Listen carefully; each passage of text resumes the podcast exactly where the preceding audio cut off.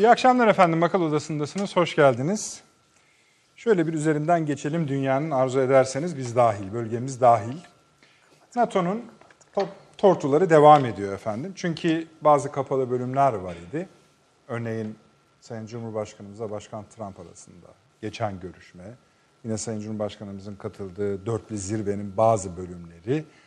Ee, yani NATO'nun tortuları devam ediyor. Buna bakacağız. Ana konumuz bu değil ama değineceğiz. Çünkü Rusya ve Çin'den de açıklamalar geldi. Yani NATO zirvesinde çıkan kararlar üzerine Rusya ve Çin'in açıklamaları var. O açıklamalar biraz da sert açıklamalar. Doğal olarak irdelenmeyi hak ediyor.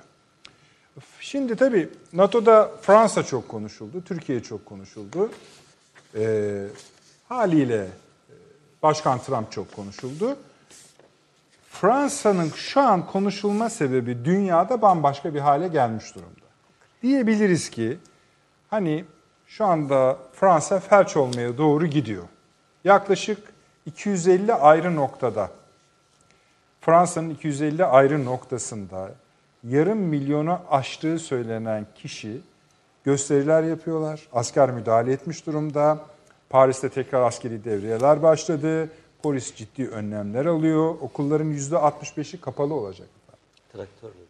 Büyük ve süresi belirsiz bir grev başladı, başlayacak daha doğrusu.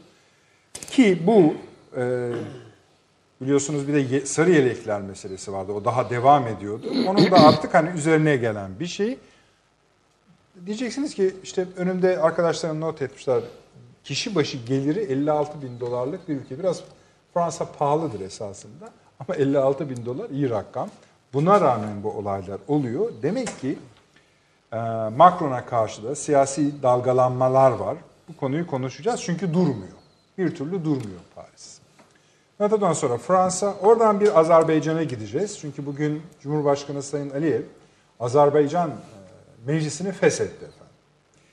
İlk önce bunu Anayasa Mahkemesi'ne götürmüştü. Anayasa Mahkemesi uygundur feshetmeniz dedi ve feshedildi. Normalde bu 2015'te yapılmış seçimin meclisiydi. 125 sandalyenin 71'i Sayın Aliyev'in partisiydi. Yani diğer partiler ufak ufak olduğu için çoğunluk ondaydı.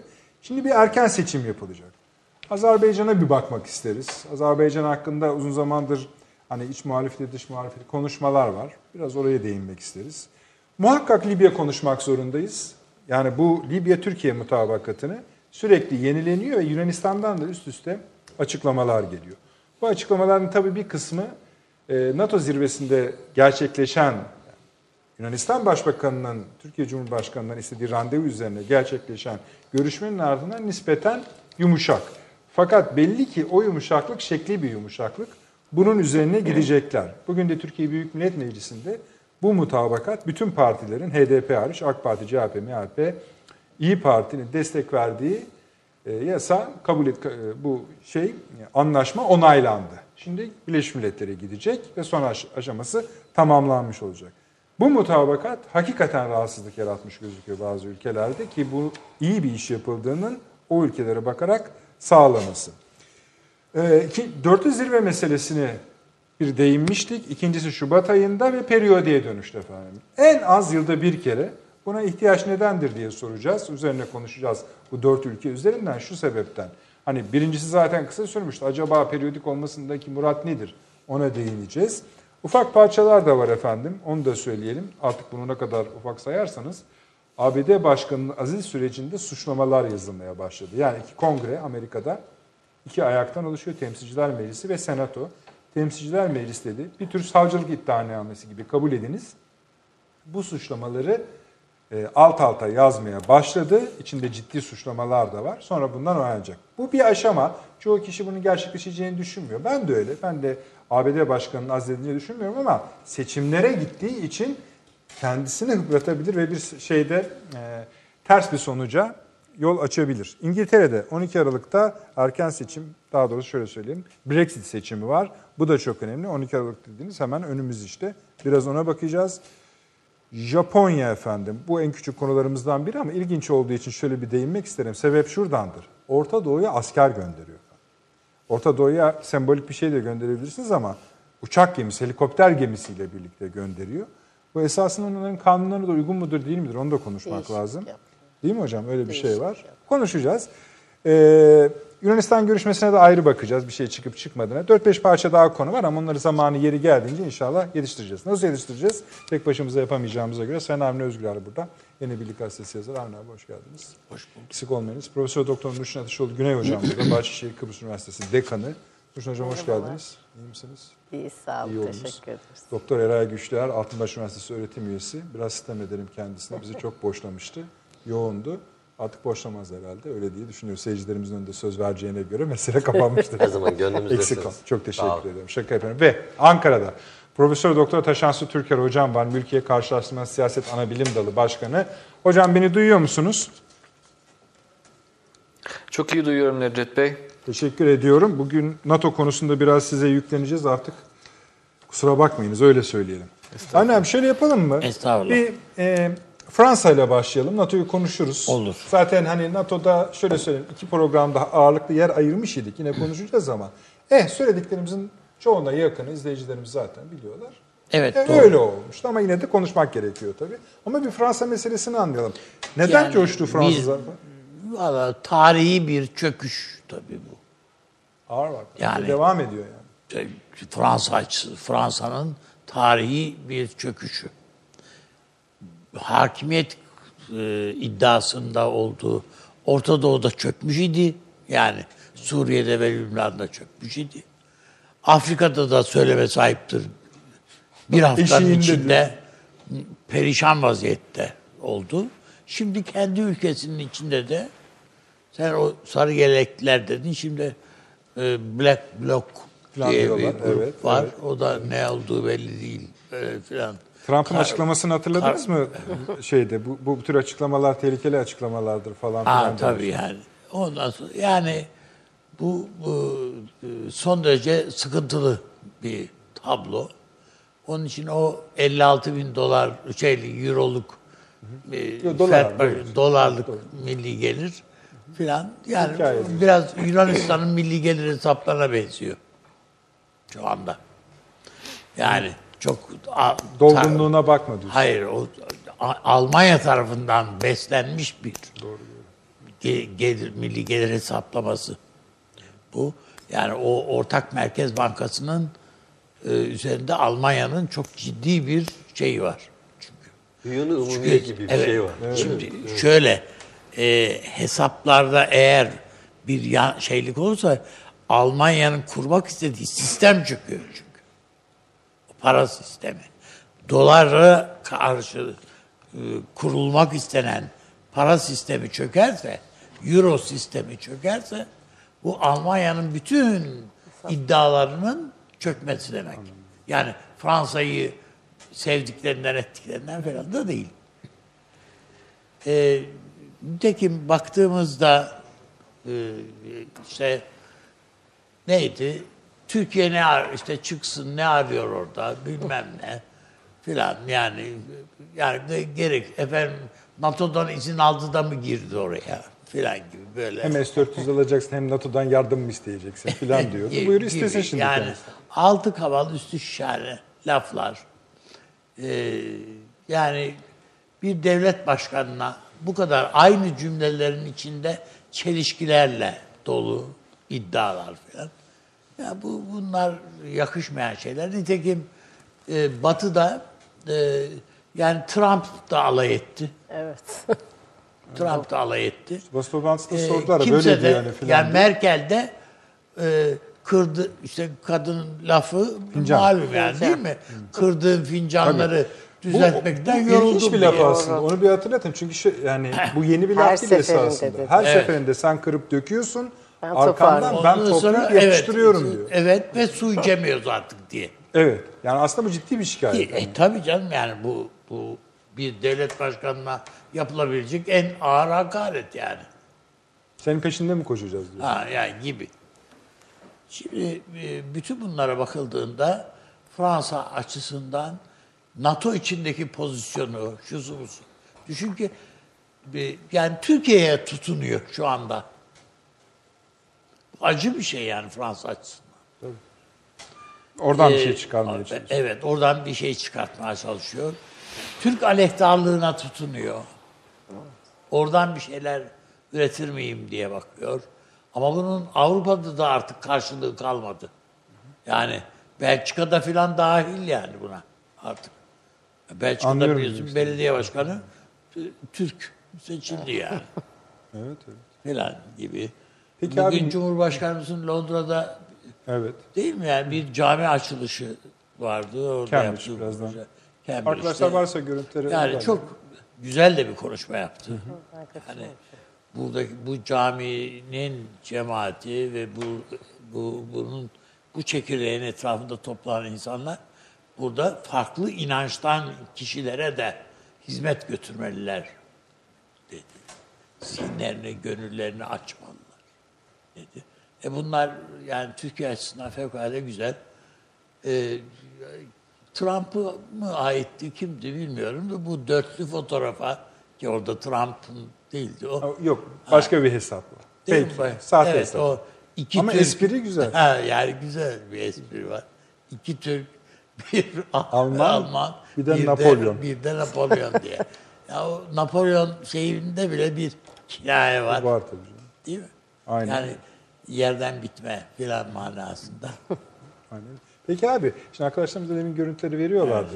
Yani şimdi olaylar öyle baya baya hani sert bir şeye benziyor. Ee, Ve ne- nereye kabul varır edelim. yani? Yani bu NATO zirvesi e, Sovyetler Birliği'nin çöktüğü çöküşünün hemen akabindeki toplanan zirveden sonraki en önemli zirvedir. Zirve, Net. Evet, Yani konuşacağız onu. NATO zirvesi yapılır, hoş sohbet edilir, lak lak luk luk konuşulur. Bu planlardan bile biz çoğu zaman Filan. haberimiz olmaz yani. Bayağı sert bir Tabii. to- bir dizi toplantı. Doğru doğru. Yani dikkat ederseniz hep bizim liderlerimiz şimdiye kadar e, randevu almaya çalıştılar. Acaba görüşecek mi? Acaba randevu verecek mi? Değil mi? Yani bunların hepsini hatırlıyoruz. Şimdi Sayın Cumhurbaşkanı'ndan randevu almak Öyle öyle. e, peşinde liderler Yani var. aslında işin gerçeği şu. var, bu var. Londra'nın yıldızı Cumhurbaşkanı Erdoğan'dı. Çünkü Evet, şöyle yani. düşün. Macron, Trump önde ama onlar kendi aralarında Önde bile Türkiye'yi hani ekran önünde anlamında söylüyorum. Ha, evet. Hani e, onlar da Türkiye'yi konuştular aralarında. E tabii canım. Basında öyle. zaten öyle yönlendirildi Tabii, öyle. Yani düşün dörtlü zirve Macron'u azarlamakla geçti. Evet, Ayrı değinelim abi. Bu kadar sen sadece şey, şu şeyi basit. söyle. Fransa'da sen hani nereye bağlanır diye şey yapıyorsun, düşünüyorsun. Bu olaylar. Bu olaylar tabii e, şöyle bir şey vizyon üretemedi Fransa. Yani Kürtlere artık ümit veremiyor. Aynen öyle. Göçmenlere ümit veremiyor.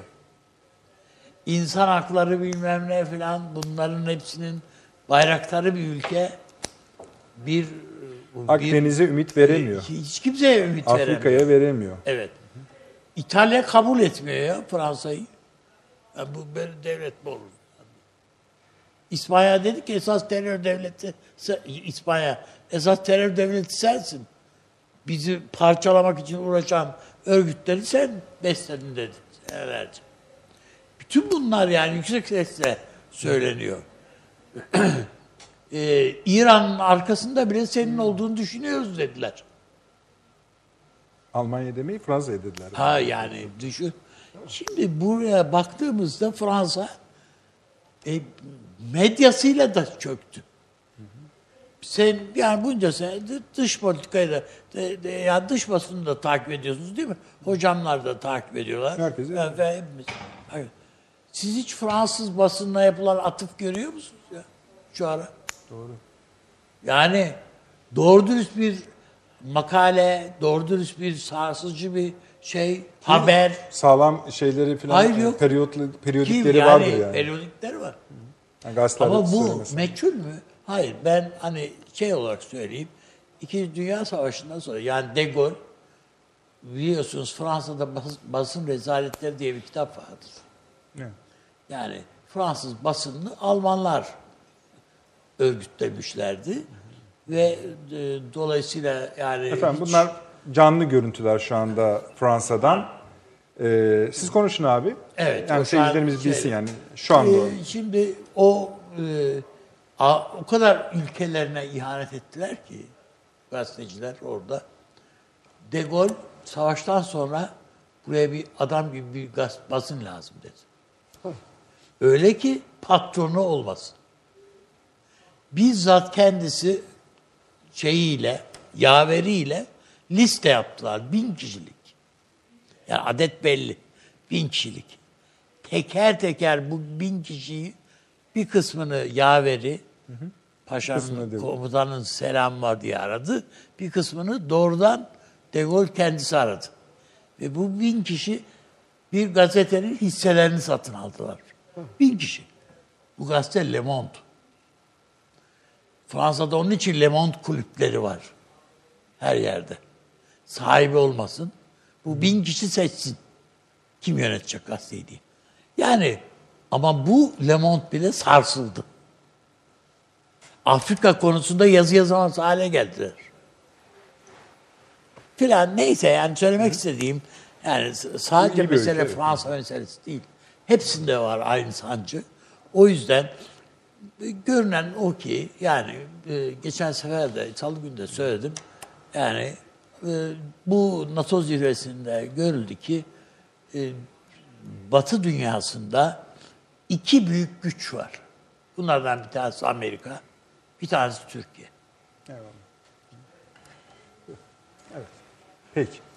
Ankara'dan dönelim zikzak çizerek. Taşansı Hocam, şöyle anlaşılıyor. Yani Paris'i bu Nat- yani Paris'teki olayları e, NATO zirvesinden kopararak, ayırarak herhalde biraz zor olacak. Onun için şöyle yapalım bence. Siz Paris'in beyin ölümü gerçekleşti mi sorusunu e, yanıtlamaya gayret ederken lütfen oradan NATO'ya da giriniz ve siz NATO'nun e, hem yaşananlarını hem de ortaya çıkan sonuç tablosunu nasıl değerlendiriyorsunuz? Onları da anlatınız. Buyurunuz. Ee, Ben Fransa'dan başlayayım Lütfen. e, arzu ederseniz Nedret Bey. Ee, Avni Bey'in söylediklerine katılıyorum. Yani Fransa e, ciddi sıkıntılı bir dönemden geçiyor. Aslında bu e, sizin programlarınızda sık sık dillendirilen bir konu. Yani Batı'nın e, üretim kapasitesindeki düşüş ve buna bağlı olarak da siyaset üretme kapasitesindeki sıkıntılarla da alakalı. E, Zannediyorum bu Latin kuşağı denilen yani e, Güney Avrupa kuşağına baktığımızda e, bu sorunların en kristalize olmuş halde örneklerini görebiliyoruz. E, Buna benzeyen sorunlar aslında İspanya'da da var, İtalya'da da var, Yunanistan'da da var. E, Portekiz'de de var. Yani ekonomik sıkıntılar ve bir e, siyaset üretememe e, sorunu. E, ama Fransa bunun içinde tabii özel bir öneme sahip. Onun da sebebi e, yani tarihsel e, kökenleri itibariyle Fransa'nın e, toplumsal örgütlenmelere olan e, açık e, mahiyeti. E, Birincisi bu yani e, bu grevler vesaire aslında çok e, yani vakayadiyeden sayılan şeylerdir Fransa için. E, Bugünkü tabii ki büyük bir grev, bir genel grevden bahsediyoruz ama yine de hani bunlar Hocam çok şaşırtıcı sadece değil. yani şöyle grevin sonuçları da hani, ben şey yapar, başka şeyleri tetikler. gençken Mesela Interrail ile Air Yunanistan'a giden France'ın herkes bir %30'u e, hocam duyabiliyor musunuz? Şimdi Tamam. duyuyorum Bey tamam. buyurun. Yani mesela okulların tatil olması işte anla- yani anlaşılamaz da etkileyecektir muhakkak ama mesela ulaşımın neredeyse yüzde 60'ının 70'inin çökmesinden bahsediyorlar. Air France'ın uçuşlarının yüzde Tabii, tabii, %30'unun kesinlikle. çökmesini. Şimdi bunlar başka şeyleri de tetikler. Buyurun kestim kusura bakmayın. Esta- Estağfurullah. Ee, Bunlar e, aslında daha yüksek oranlarda da olabilirdi. Yani bu e, Fransa geleneğinde çok e, şaşırılması gereken Yaparlar şeyler değildir. Yunanistan'da da mesela öyledir. Devamlı bir şey vardır. E, Demiryolu çalışanlarının grevleri. Yani bu e, grevler bitmek tükenmek bilmez e, bu Latin kuşağında. Ama Fransa'daki asıl mevzu hani bu örgütlenme kapasitesinin yüksekliği. Yani e, Sosyalist Parti'nin uzun süreler iktidarda kalmış olması Fransa'da böyle bir geleneği aslında kurumsallaştırdı. De Gaulle, özellikle De Gaulle sonrası dönemde e, bu alana e, sıkışmış bir yapıdan bahsetmek lazım Fransa'ya dair. Yani Fransa tarihine de baktığımızda zaten bu e, vatandaş üzerine kurulu bir akıl dünyası. E, Milli marşlarında bile denir ya işte silah başına vatandaşlar. E, Dolayısıyla o milis e, aklının, e, her gün siyasetin içindeki kitleler aklının çok e, yabancı olmadığı bir yer Fransa. E, Ancak bunu açık olarak şunu söyleyebilmemiz gerekir ki Fransa'nın e, şu an yaşadığı bu bugünkü sorunların altında yatan sebep Macron'un tam bu e, akımların aksine bambaşka bir Fransa yaratma arzusuydu. Yani e, işte Hillary Clinton'ın e, seçilmesini bekliyordu büyük ihtimalle Macron da Fransa'da. E, onun dünyasına daha uygun olan, daha neoliberal düzene uygun, küreselleşme çerçevesinde giden bir Fransa inşa etmek istedi. Ve daha önce de ben bunu bir kere daha söylemiştim zannediyorum. Bir Fransa'dan Almanya çıkarmaya çalıştı. E, bu da yoğun tepkilerle karşılaşmasına sebep oluyor tabii ki. O yüzden Fransa'yı yönetmesi çok zor. Bir de Fransa iç siyasetine baktığımızda şimdi o kadar sıkışmış durumda ki Macron. Yani çok hızlı yükselen bir Mélenchon var e, soldan e, ama ondan da hızlı yükselen bir Le Pen gerçeği var sağdan. E, bu iki aktörün arasında sıkışmış bir e, Macron figürünü görüyoruz ve çıkışı bir şekilde e, bu sıkışmışlıktan çıkışı dış politikada arayan bir Macron görüyoruz. E, ve zannediyorum ki o çerçevede de Türkiye ile çok fazla meşgul olmaya başladı son dönemde. E, çünkü Afrika'da bir çıkış yapmaya e, çalışmıştı kendi ülkesi adına ama e, kapasitesi ne yazık ki Fransa'nın devlet kapasitesi ve politika üretme kapasitesi Afrika'da da e, çok da fazla e, önünün açılmadığını gösteriyor aslında Fransa'nın. E, Türkiye'ye sataşmaları e, kelime doğru mu bilmiyorum ama sataşma O kelimesini tabii. kullanacağım. Bu çerçevede bakmak lazım. O sıkışıklığın içinden gündemi birazcık dışarıya çekme çabası, e, birazcık da dışarıda daha güçlü bir Fransa iddiasını e, ortaya koyabilmek. E, Ancak kendi bulunduğu pozisyon şu an dünyada esen rüzgarların tam tersi yönünde olduğu için de e, sadece kendisini siyaseten değil Fransa'yı da epeyce yanlış yönlere sürüklüyor gibi görünüyor Macron'un pozisyonu. Yaşar E, bu Hocam. çerçevede NATO e, toplantısına geçecek olursak eğer NATO toplantısında da zannediyorum tam da bu Fransa'nın sıkışmışlığı e, önemli bir e, mihenk taşı oldu. Çünkü e, yani öyle açıklamalar yaptı ki Macron gerçekten birbiriyle tamamen tutarsız açıklamalar. E, bir yandan mesela e, Rusya düşmanı değildir dedi. E, hatta insanlar dalga geçtiler. Macron acaba Türkiye NATO'dan çıksın Rusya girsin mi diyor. Çünkü bir yandan Türkiye'ye sataşıyor ama Rusya düşman değildir diyor. Yani bir şekilde Trump politikasına ayak uydurmaya çalışıyor. Ama öte yandan tutuyor diyor ki e, Çin de düşman değildir. E, tabii ki Trump o noktada zıpladı büyük ihtimalle. Yani e, Rusya düşman değildir hadi bunu anladık. Çin de düşman değil. E, kim düşman o zaman? Yani böyle bir soru çıkar insanın karşısına. Orada da o muğlak kavram uluslararası terörizm. E peki güzel uluslararası terörizm düşman. E, Türkiye güney sınırlarından terör tehdidi algılıyor. Hadi e, bunu e, derc edelim NATO bildirgesine dendiği zaman. E, onlar terörist mi değil mi tartışmasına girmek. Yani e, bir çıkmazın içerisinde olduğunu gördük Macron'un. Macron bu çıkmazdayken e, Boris Johnson'ın aslında bir şekilde hem İngiltere iç politikasında e, yelkenlerini iç politikadaki güçle doldurmuş olmasının verdiği özgüven hem de Trump politikasına adapte olabilme kapasitesinden mütevellit öne çıktığını gördük. Merkel de her ne kadar e, yakın dönemde e, görevi bırakacak olsa da Almanya'nın o yüksek ekonomik kapasitesi ve e, tarihsel birikiminden mütevellit bir e, etkili figür olabildi. E, bu noktada baktığımızda Trump'ın sürükleyici olduğu kaçınılmaz olarak ortada. Zaten NATO demek Amerika demektir eninde sonunda. hani bu çok da tartışılacak ya da yeni bir bilgi Aynen olmasa öyle. gerek ama e, Fransa'nın bir şekilde düşüşe geçtiği e, İngiltere'nin e, güne günü yakalamaya çalıştığı, Almanya'nın da e, onun arkasında hizalandığı ama asıl değişikliğin NATO konseptinin içerisinde, üyelerin konumlanması içerisinde Türkiye'ye dair olduğunu izledik diye düşünüyorum. O da şu çerçevede e, Türkiye e, NATO planlarında Soğuk Savaş döneminde bir güney kanat ülkesiydi. Evet. Yani nasıl işte iki kanat ve ana cephe hattı vardı değil mi NATO'da e, Soğuk Savaş döneminde. E, Türkiye burada e, çok da sözü geçen değil, e, ihtiyaç duyulan bir askeri üs gibi bakılabilen, e, çok da fazla e, kafa tutmayan, e, NATO'nun varlığına ihtiyaç duyan, zaten korkutulan bol bol, o korkudan mütevellit de bir şekilde etkisiz bir politik aktör olarak karşımızda durur Soğuk Savaş boyunca.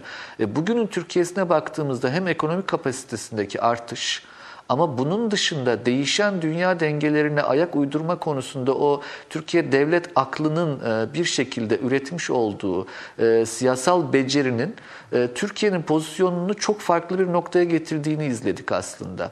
E, o- İşte tam da bu dörtlü zirve denilen şey de e, bu bu tespitten ve bu yeni hakikatten e, mütevellittir. Yani NATO içerisinde öne çıkan bir Türkiye var ve Avrupa'nın güvenliği sadece NATO konusu değildir. Bunun dışında da Avrupa'nın kendi girişimleri olduğunu biliyoruz. E, ama AB üyesi olmayan bir Türkiye'yi PESCO içinde de değerlendirmek söz konusu olamayacağına göre sanki yandan bir çizgiyle kaçınılmaz olarak Türkiye'nin jeopolitik, e, e, askeri, ekonomik ama aynı şekilde bir de zihinsel dünyasına ihtiyaç duyan Avrupalı üç ülkenin e, Türkiye ile bir mekanizma oluşturma çabası olarak değerlendirmemiz O mekanizma gerekiyor bir bu kere oluştu. Bu-. Söyle. öne- bu, o- NATO- Taşans hocama hocam, bir saniye. Ben mesela hocama onu sora, sormak Tabii, tabii, buyurun, buyurun. Yani gider ayak Merkel, Merkel gider, gider ayak bir e, es- sağlam bir vizyon, batılı bir e, entelektüel vizyon gösterip Türkiye'ye bir başka kapı Kanal mı açtı? ya bir kapı açabilir mi? Bu Avrupa Birliği meselesi önemli yani. Avrupa Birliği'ni kurtarmak da şu anda Almanya'nın dertlerinden bir, Tamam güzel. bir tanesi. O şey O manada söylüyorum kapıyı yani. bir anlat yani ne demek istiyorsun? Yani ne bileyim üye, üye- Türkiye'yi ikna eder, üyelikte bir şey, bir formül üretir. Yani bir şey üretebilir mi? Yani bu konuda bir düşüncesi var mı Taşan Hocam? Tamam. Yani çünkü Merak buna ediyorum. ilişkin işaretler görünüyor anlaşılan. Yani işte Şubat ayındaki Tekrar. zirveyi e, Merkel önerdi çünkü. Evet. Türkiye'de. Tekrar, falan. evet. Ve yıllığa da bağlanmış. Evet. Taşans hocam dinliyoruz. Ee, e, ya ben e, şöyle düşünüyorum Merkel'in e, o anlamda gerçekçi yani e, siyaset yapma yapma şekli kesinlikle realist. Yani Macron ne kadar e, ideolojiler çerçevesinde ve söylem düzeyinde siyaset yapma meraklısı ise e, Merkel de bir o kadar e, iş üzerinden siyaset yapmaya meraklı. E, burada tespit edilen bir gerçek var. Türkiye bir defa her şeyden evvel Avrupa'nın güvenliği için yani stratejik güvenliği için vazgeçilmez bir öğe. Merkel bunu görüyor ve Türkiye'nin e, burada karşı cephede yer almasını zaten kabul edemezler ama gönülsüz bir birliktelik içinde olması bile belirli riskler yaratacaktır. Merkel bunu görüyor. İkincisi şu an yaşanan çok acil bir sıkıntı var. O acil sıkıntı göçmen sıkıntısı. Bu konuda da Türkiye'ye mutlaka muhtaç olduklarını biliyorlar. Diğer bir sıkıntı ise Avrupalı e, işit savaşçıları. Yani bunlara ne yapılacak? Yine bu konuda e, Türkiye ile görüşmelerin devam ediyor olması gerek. Bunlar kısa vadede olanlar. Orta ve uzun vadede ise Merkel'in gördüğü şey şu. Türkiye'nin ekonomik kalkınması yanında biraz önce bahsettiğim zihinsel dünyasındaki sıçrama e, ve e, siyasi kapasitesindeki artış Merkel'i bir şekilde orta vadede hem Türkistan'a açılmak için hem de Orta Doğu'ya açılmak için Türkiye'yi yakın tutma konusunda e, motive ediyor diye düşünüyorum ben. Çünkü bu kaçınılmaz bir süreç. Ha, burada bir İran-İsrail gerginliği var. Bunun aşılması sonrası ya da aynı eş zamanlı da olabilir bu ama e, bir Türkistan açılımı yapmak zorunda Almanya. Yani bu Pamir Dağları lafını, e, Pamir Dağları'nı işte Afganistan, Pakistan, Hindistan vesaire diye düşünmeyelim lütfen. Bu aslında bir şekilde Türkistan'a dair bir kelime. E, diğeri ise Orta Doğu. Yani bu kaçınılmaz. E, ve jeostrateji dediğimiz şey bu e, işte Brodel'in o anlattığı tarihsel dönemlendirme ya da tarihin zamanın akışı içinde bakacak olursak bunlar en yavaş akan zamandır. Çok da değişmez. Yani nasıl ki Berlin-Bağdat Berlin-Bosforus-Bağdat tren yolu hattı vardı. Bugün aynı hat geçerlidir yine Alman zihniyetinde. Nasıl ki Bakü petrollerine inmek vardı. Bugün Almanya o Bakü petrollerini e, Putin'in e, kıyağı sayesinde kuzey akım üzerinden kendisine enerji kaynağı olarak satın alabiliyor. Dolayısıyla panzer yürütme ihtiyacı duymuyor. Ancak bu dengeler ve bu yaklaşım çerçevesinde Almanya Türkiye'yi bu e, bu anlamda önemli görür.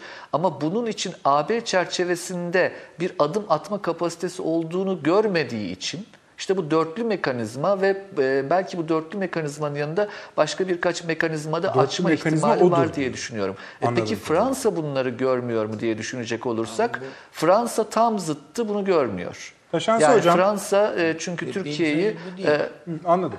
Şöyle kesiyoruz çünkü belli ki bu bir yani bu önemli bir konu. Ee, şimdi Şöyle bir şey var. Yani ben peki. e, onu söyleyeyim. Yani Almanya ürettiği, Alman sanayinin ürettiği, diyelim ki otomotivin ürettiği malı Avrupa'da alacak ülke var mı? Kime satacak ya? Yani me- Avrupa'da Mercedes kullanan mı var? Türkiye'de e, yani en kö- köşede e, zengin olmuş bir Anadolu kasabasındaki birisi bile ilk ilk yaptığı iş altına bir Mercedes çekmek. zaten buraya Yani bu birçok- konuşmalarımızdan yani bu sonra bu reklamdan sonra daha çok hızlı. Ha söylemek istediğim yani şu. Batı esas esas Avrupa'da bu ürettiği malların çoğunu satın alacak kimse yok. Ee, tıbbi araştırma şeylerine bak. Yani ürünlere bak. O tö- e, MR cihazları, tomografiler, şunlar bunlar. Avrupa'da hiçbir hastanede yok. Yani muayene, bizde sokak muayenehanelerinde var bunların hepsi. Ultrasonlar falan. Şöyle ne, belki- kime, kime satacak bu malları? Türkiye'ye satacak demiyorum. Sadece Türkiye evet alıyor ama Türkiye üzerinden satılabilir. Bunların çoğu. Yani yarın öbür gün Suriye'si var bunun, Irak'ı var, hepsi var. Yani onun için ya Almanya bunları da herhalde düşünmek ihtiyacında yani. Şöyle bir şey yani bunların üzerine şöyle ekleyeyim çünkü biraz sonra Dursun hocamdan Eray'a da soracağım da. Taşansı hocam şimdi bak NATO eşittir ABD dedik birinci cümlemizde zaten ABD'nin özel bir NATO'da Amerika bir- şey Türkiye ilgisi var. Ayrıca da ilgisi var. Bu konuşmalarında da şey yapıyor, söylüyor zaten açık açık Başkan Trump. Hatta kendisine bir basın toplantısında şeyi sordular. Bu e, beyin ölümü meselesini sordular. Kim söylüyor dedi. İşte Macron söylüyor dediler. E Türkiye'de ona başka türlü cevap verdi dedi. Yani şimdi daha ne olsun? Ee, Bunun üzerine İngiltere, Almanya, Fransa'yı ekleyin. Dörtlü zirvenin sistematik hale gelmiş olması Almanya çekiştirmesiyle. Belki Brexit seçimlerinden sonra İngiltere de yapar.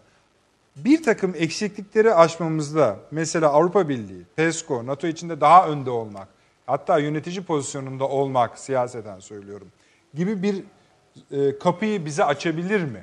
Türkiye Türkiye NATO'nun %16 finansmanına katılan katılan evet yani o sınırda zaten. var. Evet, NATO içinde Türkiye'nin öne çıkacağı açık tabii ama e, mesela bu Almanya konusunda hani bir şey daha eklemek isterim. E, Fransa'nın öngöremediği çünkü Akdeniz'deki rekabetten mütevellit öngöremediği Türkiye'nin önemine dair Almanya'nın e, bu dörtlü mekanizma yanında e, Türkiye'yi AB ile değil ama AB'nin kıyısında bir e, yeni formülasyona e, ikna etme çabası içerisinde olacağını düşünüyorum ben. Yani burada işte e, mesela bir Güney Kafkasya bölgesinde ya da Orta Doğu bölgesinde daha geniş bir barış vahaları yaratmak ya da çerçeveleri yaratmak Oradan gibi bir akıl dünyası Oraya vardır kapı olarak. Almanların. Hani bu ne olabilir? İşte Türkiye, Gürcistan, Azerbaycan e, serbest bölgesi e, vay efendim işte e, şeyde Maşrık'ta oluşacak yeni bir yapılanma içerisinde e, Türkiye'nin daha aktif e, yer alması gibi. E, ancak bunu yapacak siyasi gücü olduğu ol- olduğu konusunda da ben çok iyimser değilim Almanya'nın. E, fikirleri olabilir ama gerçekleştirme kapasitesi de çok da yoktur diye düşünüyorum. E, bu çerçevede zannediyorum asıl hani burada oyun kurucu olanlar yine e, NATO içerisinde de etkili olan Amerika olacaktır. Ve artı bu bölgede artık e, yeni bir gerçeklik de var. Rusya'nın da e, hem e, Güney Kafkasya bölgesinde hem de artık Orta Doğu'da ve Doğu Akdeniz'de de etkili olduğunu düşünecek olursak Türkiye sanki kendi göbeğini kendi kesecek gibi görünüyor. Hani bu zaten Libya ile Rusya konusu için de e, konuşalım. Rusya Çin konusu başlığı altında konuşalım gösterir. Hocam. Uygunsa sizin için. Ya kusura bakmayın ben sizi çok şey duyamıyorum. Ee, konuşmaya devam ediyor ama. olabilirim siz bir şeyler söylerken. Peki sağ olun. Tamam arkadaşlarımız ilgilensinler. Sizin o açtığınız başlığı da dediğim gibi Rusya-Çin çatısının altına yerleştirerek konuşalım izninizle. Şimdi tabii e, Taşansı Hoca konuşurken aklıma şu geldi. Dörtlü zirveden çıkışta galiba Merkel'di. Şey dedi. E, tabii dedi bu görüşme iyi oldu. Çünkü dedi Avrupa Birliği ile dedi Türkiye'nin görüşmesi gerekiyordu dedi. Yani onun bir Avrupa Birliği toplantısı gibi. Ya tek başına bir şey yapmaya kalksa bütün şimşekleri üstüne çekecek.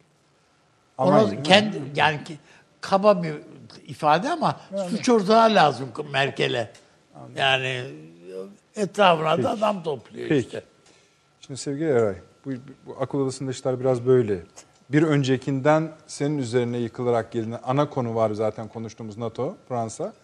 Yıkıla yıkıla gelir konular. Bizim program birikimlerle ilerliyor. Allah razı olsun. Şeyde bir ama şunu da sana yani çünkü hani kimliğin ona müsait.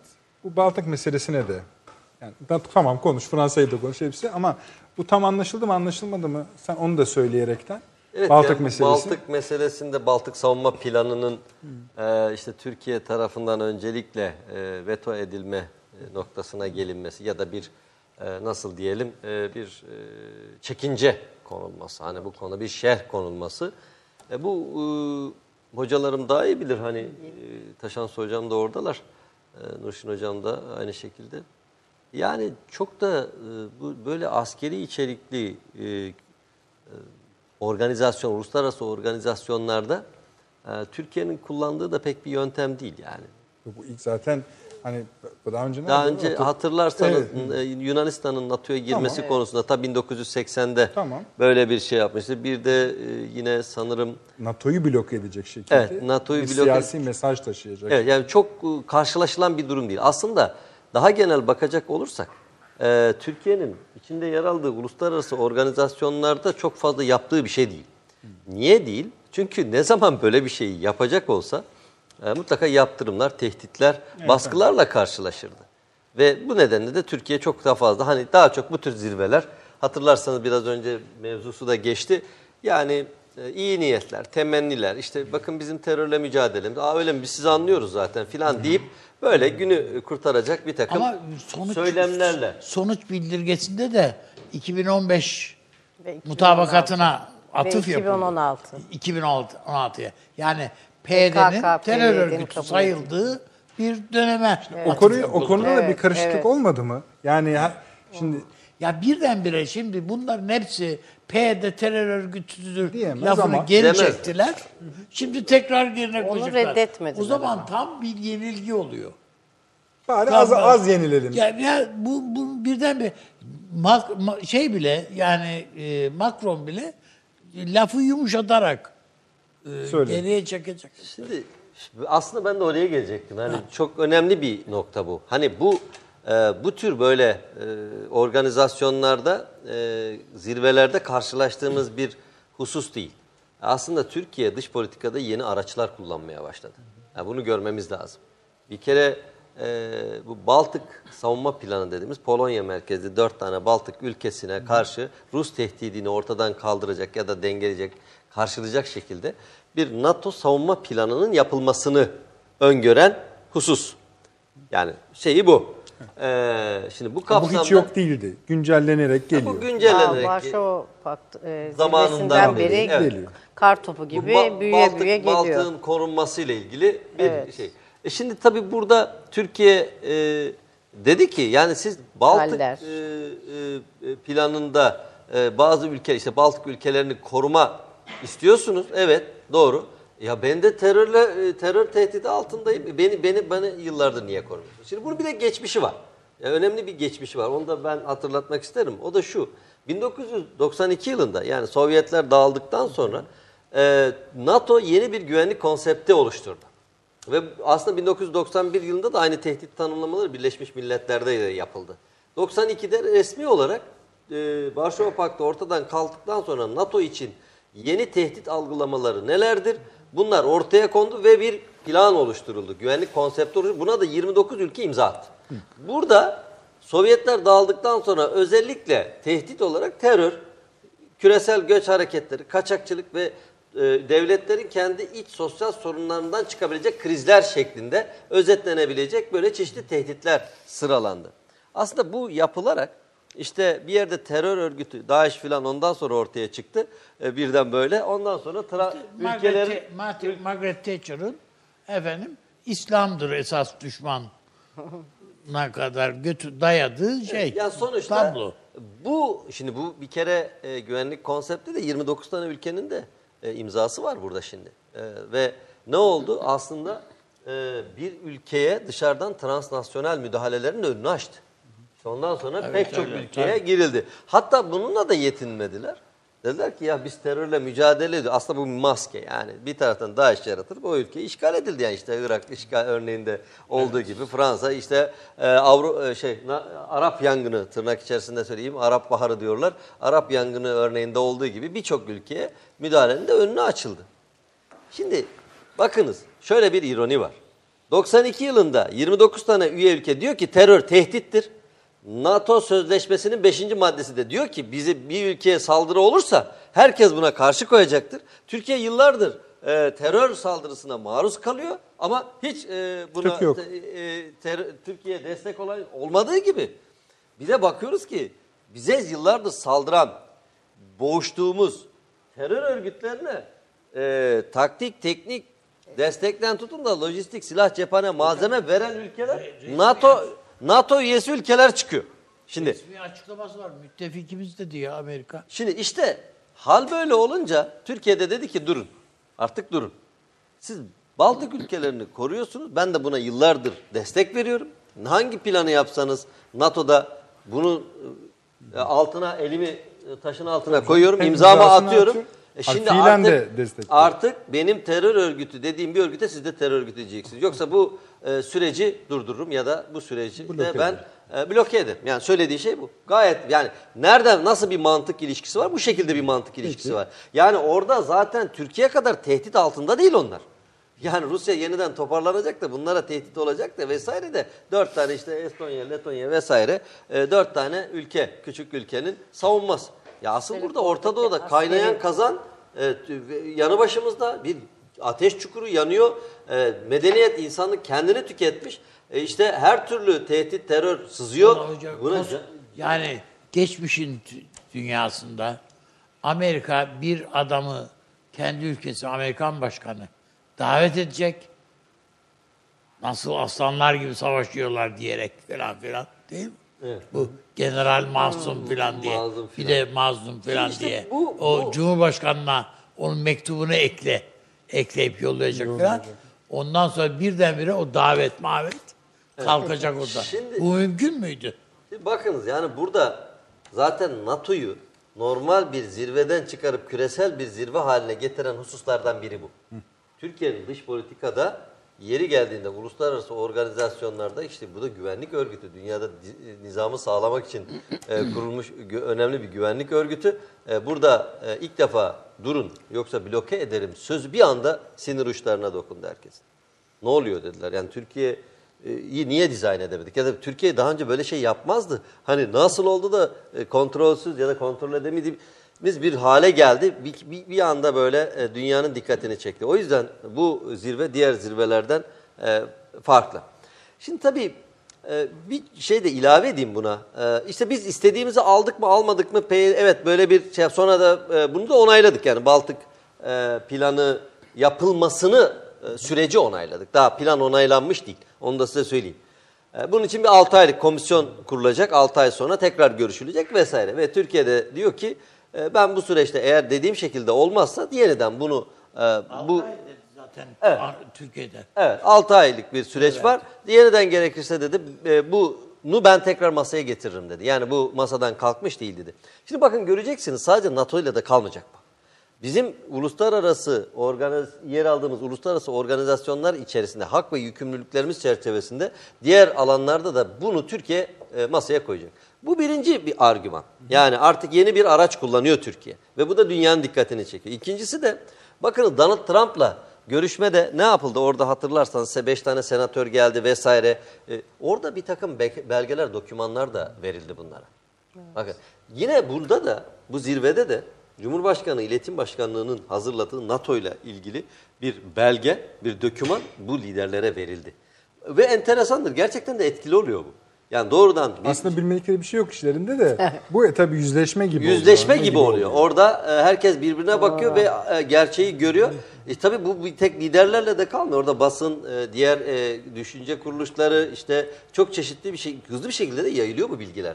E, ve dolayısıyla bir kamuoyu da oluşuyor. Türkiye'nin lehine bu anlamda çok önemli. Bu da ikinci araç. Yani Türkiye'nin e, yeni geliştirdiği uluslararası politikadaki ikinci araç. Dolayısıyla ben şunu söyleyebilirim. Yani burada bir aksiyon alınmıştır. Türkiye mevzi kazanımlarını korumuştur, muhafaza etmiştir ve bundan sonra da bu araçlarla bu durumu e, geliştirmeye devam edecektir. Peki neden önemli bu? Şundan önemli. Bakınız bundan 15-20 yıl önce eğer bu olsaydı ya Türkiye'de darbe olurdu ya Türkiye'de hükümet Olmazdı düşerdi ya da e, işte bir şeyler olurdu. Yani hani şimdi Oraya artık kadar gelmezdi. yani buraya bu e, bunlar olmayan bir Türkiye artık var ve Türkiye dışarıda içeriden bizim gördüğümüzden çok daha büyük görünüyor. Bunu çok net görebiliriz. Son olarak da bununla ilgili şunu söyleyeceğim. Önemli bir tespittir. O da şu. Bakınız e, hani iki kutuplu dünya düzeni değiştikten sonra dünyanın çeşitli yerlerinde askeri, ekonomik ve siyasi merkezler oluştu. İşte Türkiye'nin de bu merkezlerden biri olduğunun da işaretleridir bunlar. Yani şimdi uluslararası, hocam daha iyi bilir hani uluslararası ilişkilerde. Bunun işaretleridir, bunun sinyalleridir. Şimdi şu Fransa konusuna ben farklı bir yönden yaklaşmak isterim. Şimdi bakınız, e, özellikle yeni küresel düzende işte en son NATO zirvesinde de daha öncekilerde olmayan bir e, husus son anda eklemlendi. O da Çin. Çin'in artan nüfuzu diye bir e, durum söz konusu oldu. Bakınız yani evet aslında yeni küresel sistemdeki çatışma dinamiklerinin merkezi Çin'dir. Çin'den kaynaklanır. Ne yapıyor Çin? Çin aynen şu oluyor. Sermaye Çin'e gidiyor. Ve o sömürgecilik zamanından işte coğrafi keşiflerden tutup da ta dünyanın dört bir tarafından köleleri getirip çalıştırıp o sömürgeci bu sayede e, ülkeleri, kıtaları, bölgeleri sömüren, bu sayede zenginleşen e, Avrupa'da artık bu sermaye, bu zenginlik kalmadı. Şimdi size bir tarih vereceğim. 17 Kasım 2018. Bakınız bir yılı biraz daha geçti. Nedir 17 Kasım 2018? Fransa'da Sarı Yelek Hareketi'nin başladığı tarihtir. Yani bir yılı geçti. Tabii, tabii, Bakın dikkat edin.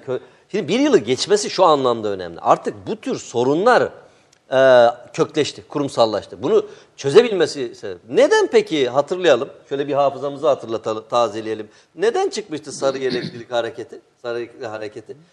Fransa'da hükümetin akaryakıtta e, ilave vergi koymasından kaynaklandı. Yani ekonomik sebeple. Şimdi bugün bakıyoruz daha bir hafta önce Fransız çiftçiler traktörlerle Paris'e doğru yürümediler. E, grevler şimdi devam etmiyor mu? Yani ekonomi, ekonomi. Arka planda ekonomi var. Bu ekonomiyi e, siyaseten yöneten de güçler var. Şimdi e, bunu da görmek lazım. Ama şu bir gerçek. Avrupa NATO'nun arkasından geliyor olması bile bir Evet, Avrupa. Avrupa eski zenginlikte bir Avrupa değil. Avrupa e, biraz önce e, hocam da söyledi, Avni abi de söyledi. Yani e, Avrupa Birliği artık ne olacağı e, çok belir, belirli değil. Ama şu bir gerçek. Artık sermaye Avrupa'da eski sermaye yok. Fakat toplumlar bunu Avrupa toplumları henüz bunu anlayabilmiş değil. O yüzden sarayla girip Macron'dan para istiyorlar. yani evet yani şeyi bu. Halk dilindeki karşılığı bu. Grevin altında da emeklilik yasası var. Evet, Evet. esas o.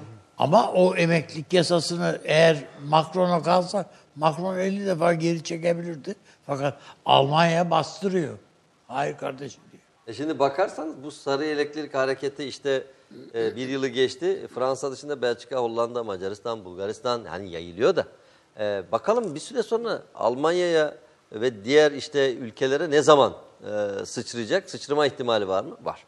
Yani dolayısıyla burada tabii e, biz bir güvenlik zirvesini konuşuyor iken kendimizi içinde bir dörtlü zirveyle Suriye'de ee, işte şu olaylarla da Fransa özelinde de Avrupa'nın içine düştüğü ekonomik ve siyasi sorunlarla e, boğuşur ya da konuşur bulunduk. Şimdi burada Türkiye'nin pozisyonuna baktığımızda evet Türkiye bu kararlı ifadesiyle, bu kararlı duruşuyla e, çok önemli mevzi kazanımları elde etti. Bunlardan bir tanesi de PKK-PYD'nin ya evet bu terör örgütüymüş falan demeye başladı çeşitli çevreler. Elbette yani tutup da 200 yıllık plan bunların emperyalist İngiliz Başbakanı en birinci te- Evet, tehdit yani bu, bu PKK-PYD meselesi tırnak içerisinde söylüyorum siyasal Kürtçülük üzerinden bir terör dizayn aracı üretme politikası belki 200 yıllık plan. Elbette bunların bir anda geç, geçeceğini ya da vazgeçeceklerini düşünmek çok mantıklı değil. Ama e, yani şöyle ben bir örnek veriyorum buna. E, bakınız biz Barış Pınarı, e, Barış Pınarı operasyonunu yaparken e, bizi destekleyen var mıydı? Afrin'i yaparken. Aziz Cerablus Elbap'ı yaparken var mıydı? Yoktu. E bunlarda da böyle böyle mevziler kazanarak gideceğiz. Eninde sonunda da İdlib Kandil arası güvenli bölge haline gelecek. Bu PKK PYD de büyük oranda Türkiye'de zaten bitti. Onu Türkiye'yi konuşmuyoruz bile.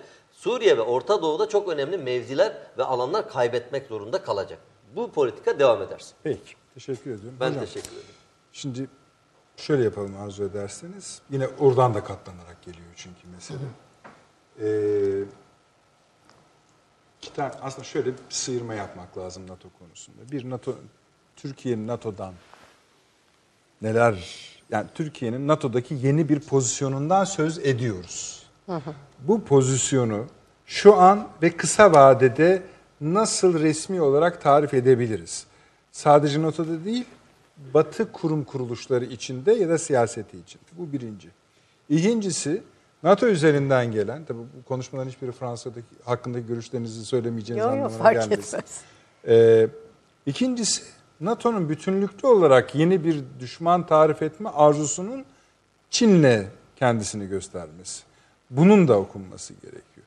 Şimdi bunlar arasında da bir etkileşim var bu iki kalem arasında. Yani Türkiye'nin yeni pozisyonu ve NATO'nun genel bir düşman figürü olarak Çin'i artık ilk kez resmi olarak tarif etmesi.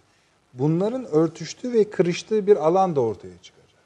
Yani Türkiye'nin iki dünya arasındaki yeri Çin ve Rusya ile ilişkilerinin NATO kararıyla bir etkileşim, etkileşimi olmak lazımdır. Batı kurum kuruluşlarında öne ne kadar çıkarsa çıksın. Şimdi aslında ben bu soru dizinini sizin için değil seyircilerimiz için söyledim. Elbette siz cevaplayacaksınız ama reklamlardan sonra. Tamam, Öyle. Egemen hemen dönüyoruz. Bir dakika reklam arası. Romandan şiire, tarihten düşünceye, klasik metinlerden özel edisyon çalışmalarına kadar geniş bir yelpaze ve yüksek bir frekanstan yayın yapmayı hedefleyen Ketebe, şimdiden Türk kültür hayatında kalıcı ve önemli bir yer edindi. Edebiyatımızın seçkin eserlerine, genç kalemlere, tarihimizin engin zenginliğine, dünya edebiyatının hem güncel hem de klasik metinlerine, düşünce dünyamızın, maneviyat tarihimizin köşe taşlarına ve gün yüzüne çıkmamış değerlerine ev sahipliği yapmak, Ketebe'nin yayın politikalarının omurgasını oluşturuyor. Dünya standartlarında bir yayıncılık anlayışı ve deneyimli kadrosuyla yola çıkan Ketebe yayınları, kitaba, kağıda ve söze hürmet eden bir medeniyetin parçası olarak her şey geçer, yazı kalır diyor. Reklam arası sona erdi. Devam ediyor efendim akıl odası. Ee, tekrarlayayım mı soruları? Tamam yok hayır Peki. hatırlıyorum. Ee, Evet, şöyle NATO'dan bazen uzun oluyor. Evet. NATO'dan başlayalım. Ee, bir defa benim bu gördüğüm zirvede burada konuşulanlar, bana kadar gelenlere ben de katılıyorum ama onun ötesinde NATO'nun e, esas gerçek sorunu bir varlık sebebi bulamamak. yaşamsal bir Mesela sorun. şimdi siz Çin dediniz, bana zaten bunu ben böyle düşünüyordum. O Çin meselesi tabii Çin'in geliştirdiği kapasitelerle tabii ki ilgili. Yani işte Asya Pasifik'teki e, yayılması, o adaları, e, e, suni adaları e, bir şekilde sahiplenmesi, onun için altyapı oluşturması, enerji ticaret yollarını bütün Asya'ya doğru yönelmesi. Yani her şey bize Asya ve Çin'i gösteriyor. Ve tabii ki e, NATO'nun patronu da kim? Hepimiz burada hemfikiriz. Amerika Birleşik Devletleri. Dolayısıyla Amerika Birleşik Devletleri'ndeki bu yeni hazırlanan ulusal e, güvenlik belgesinde de Çin'in işaret edildiğini biliyoruz. Nitekim e, uluslararası ilişkiler pek çok e, uzmanı da başta Mearsheimer olmak üzere en başta ta hocam da bilir e, Trump daha yönetime gelmeden ona e, tavsiyesi şuydu. Başta dedi ki bizim Ukrayna'da ne işimiz var? Rusya ile niye boğuşuyoruz? Bizim hedefimiz Çin demişti. Yani hani bir örnek olarak söylüyorum. Tabii, tabii. Dolayısıyla hani anladığım kadarıyla bugüne kadar Soğuk Savaş dönemindeki o katı ideolojik e, e, karşıtlık içerisinde hesaplanabilir, elle tutulabilir bir somut e, tehdit vardı. E, Sovyetler Birliği özelde genelde de e, e, komünizmdi. Dolayısıyla Çin'le birlikte bütüncül bir tehdit olarak e, algılanıyordu. Sonrasında hocam da anlattı zaten. Tehditlerin e, niteliği değişti denildi. Stratejik konseptler 10 senede bir yayınlandı hepimizin bildiği gibi. İşte belirsizlikler, riskler, nereden geleceği belli değildir falan derken e, anladığım kadarıyla bu Ukrayna kriziyle NATO'da bir uyanma oldu. Yani o da şu çünkü o tarihe kadar o işte 1997'de Rusya ile yapılan ortaklık anlaşması vardı. Konseyi NATO Russian Council'dı galiba. Onunla birlikte bir Rusya'yı kazanma, Rusya ile beraber e, kü- küresel anlamda bölgeyi e, ve işte belirli alanları e, işbirliği üzerinden idare etmek yönünde bir e, politika vardı ve hatta ben çok net herhalde, evet NATO için. siyasetten. Ha, tamam. Hatta ben hatırlıyorum e, bu Varşova Paktı'na giden yolda James Shee şöyle demişti. Biz bu konuda yanıldık. Bundan sonra e, Soğuk Savaş dönemindeki gibi bir e, Rusya'yı çevreleme politikası değil ama constrainment demişti. Yani sınırlayıcı bir politika izlemeye Çünkü çalışacağız. çevreleme dedikleri adamdan toprak almaya dönüştü. Ee, bir de onu onu tahrik ediyorsunuz. Evet, tabii. Ee, bu e, hala bu en son e, zirve sonucunda yayınlanan bildiride de e, Rusya ile ilgili sıkıntılar ifade edilirken gene o diplomatik dille o diyalog kapısında açık bırakıldığı özellikle söyleniyor. Eğer NATO'nun şu şu şu şu koşullarını yerine getirirse Rusya bizim istediğimiz gibi Rusya ile karşılaşırsak o zaman tekrardan e, işbirliğine yani. dönebiliriz. Bu bir. E, şimdi diğer konularda da tabii NATO e, geri düştü. Ne anlamda? E, zaten hocam anlattı bu Baltık e, planını. Şu anda Baltıklarda inanılmaz Amerikan askeri varlığı var. Hani Doğru. yani Çok şimdi onu yani ciddi bir yığınak Bugün şu anlamda Orta söylüyorum. Doğu'ya da yeniden Tabii 14 yani şu anlamda bahsediyor. söylüyorum hani doğuya tehdit e, işte güney tehdit kıyaslanacak bir şey değil. O anlamda söylüyorum. Hani diyorlar ya işte Baltıklara yönelik bu planı hazırladık çünkü oraya ivedi bir Rus tehdidi var. Ayol orada inanılmaz sayıda bir tahkimat yaptılar ve Amerikan varlığı var. En başta caydırıcı unsur Amerikan o- askeri or- varlığı. Orada Arktik meselesinden de bahis ediliyor. Yani E, orada- tabii, O da tabii. biliyorsun esasında önemli bir konu. E doğru. Orada da çünkü kaç ülke e, paylaşmaya çalışıyor. durumda. Birbirine biz bile varız biliyorsunuz. Tabii, tabii canım, herkes Dolayısıyla vaziyette. Çin'de var. yani evet. E, bir de tabii Rusya ile birlikte yani e, şunu söylemeye çalışıyorum. Varşova e, Galler zirvesi ve bugüne gelene kadar işte Baltık'taki e, bu plana giden yolda çok büyük bir tahkimat yaptılar zaten. Ama o anda eşanlı olarak tabii terörizm meselesi gibi her ne kadar onun tanımını bazı çekinceleri varsa da kendilerini yani kendi evlerinin kapısının önüne gelen e, tehditler ki DAEŞ'ten bahsediyorum burada.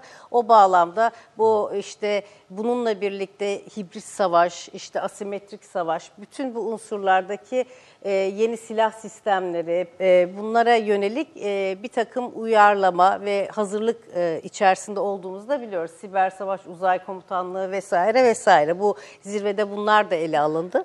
Şimdi anladığımız kadarıyla bir defa Avrupa paramparça. Yani onu görüyoruz. İşte Fransa'dan bahsettik e, şu ana kadar. E, Fransa'nın içerisindeki bütün bu e, iktisadi sorunların geçmişinde sadece bu bütün e, kabahat tabii Macron'un değil. Macron'u buraya seçtirenler ve zorunlu olarak onu seçtiler ki aşırı e, sağ gelmesin diye.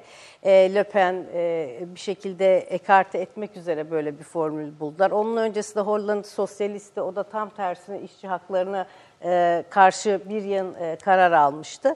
E, Macron maalesef e, zaten kendi ülkesinde de e, o eskiden e, görmeye alışık olduğumuz Fransız devlet adamı niteliğinin altını doldurabilecek bir e, kimlik yaratamadı. Yani şu sebeple bu sebeple ama onun bu nedenle de içerideki iç siyasetteki sıkışıklığı nedeniyle dışarıya yönelik işte bu NATO zirvesine giden aşamadaki ifadeleri, işte Akdeniz için e, yeni planlar ortaya atmış olması, sonra e, Afrika e, için yeni planlar devreye soktu. Bütün bunları biliyoruz ama hiçbirinde bir başarı e, söz konusu olmadı. Ben zaten bu e, biraz belki De Gaulle'den esinlenerek hani bu havayı yaratmak arzusu, o ihtirası yüzünden bu işte NATO'nun beyin ölümü ifadesini kullanarak işte belki Avrupa'nın e, gelecekte biraz da dağılmış olan bu Avrupa Birliği'ndeki e, öncü rol olmak almak e, hevesinde olduğunu ve bunun üzerinden belki bir takım siyasi içeride kazanımlar e, gibi bir romantik düşünce yapısı Dikkati içerisinde. tekrar Afrika'ya, Orta Doğu'ya. Yani o bir ben bunu tamamen romantik buluyorum. Çünkü elindeki kapasite yok, içeriye hakim değil. Dışarıda zaten e, sadece bir Evet, nükleer Paris, güç evet, öyle. mesela ama e, askeri anlamda e, bu, burada da konuşulmuştur diye düşünüyorum. Yani konvansiyonel anlamda çok büyük bir kıymeti yok. Ama Almanya'nın durumu çok farklı. O zaten e, askeri olarak bir gücü yok. Yani 2. Dünya Savaşı sonrasındaki yapısı itibariyle anayasası vesaire. E, şunu söylemeye çalışıyorum özetle.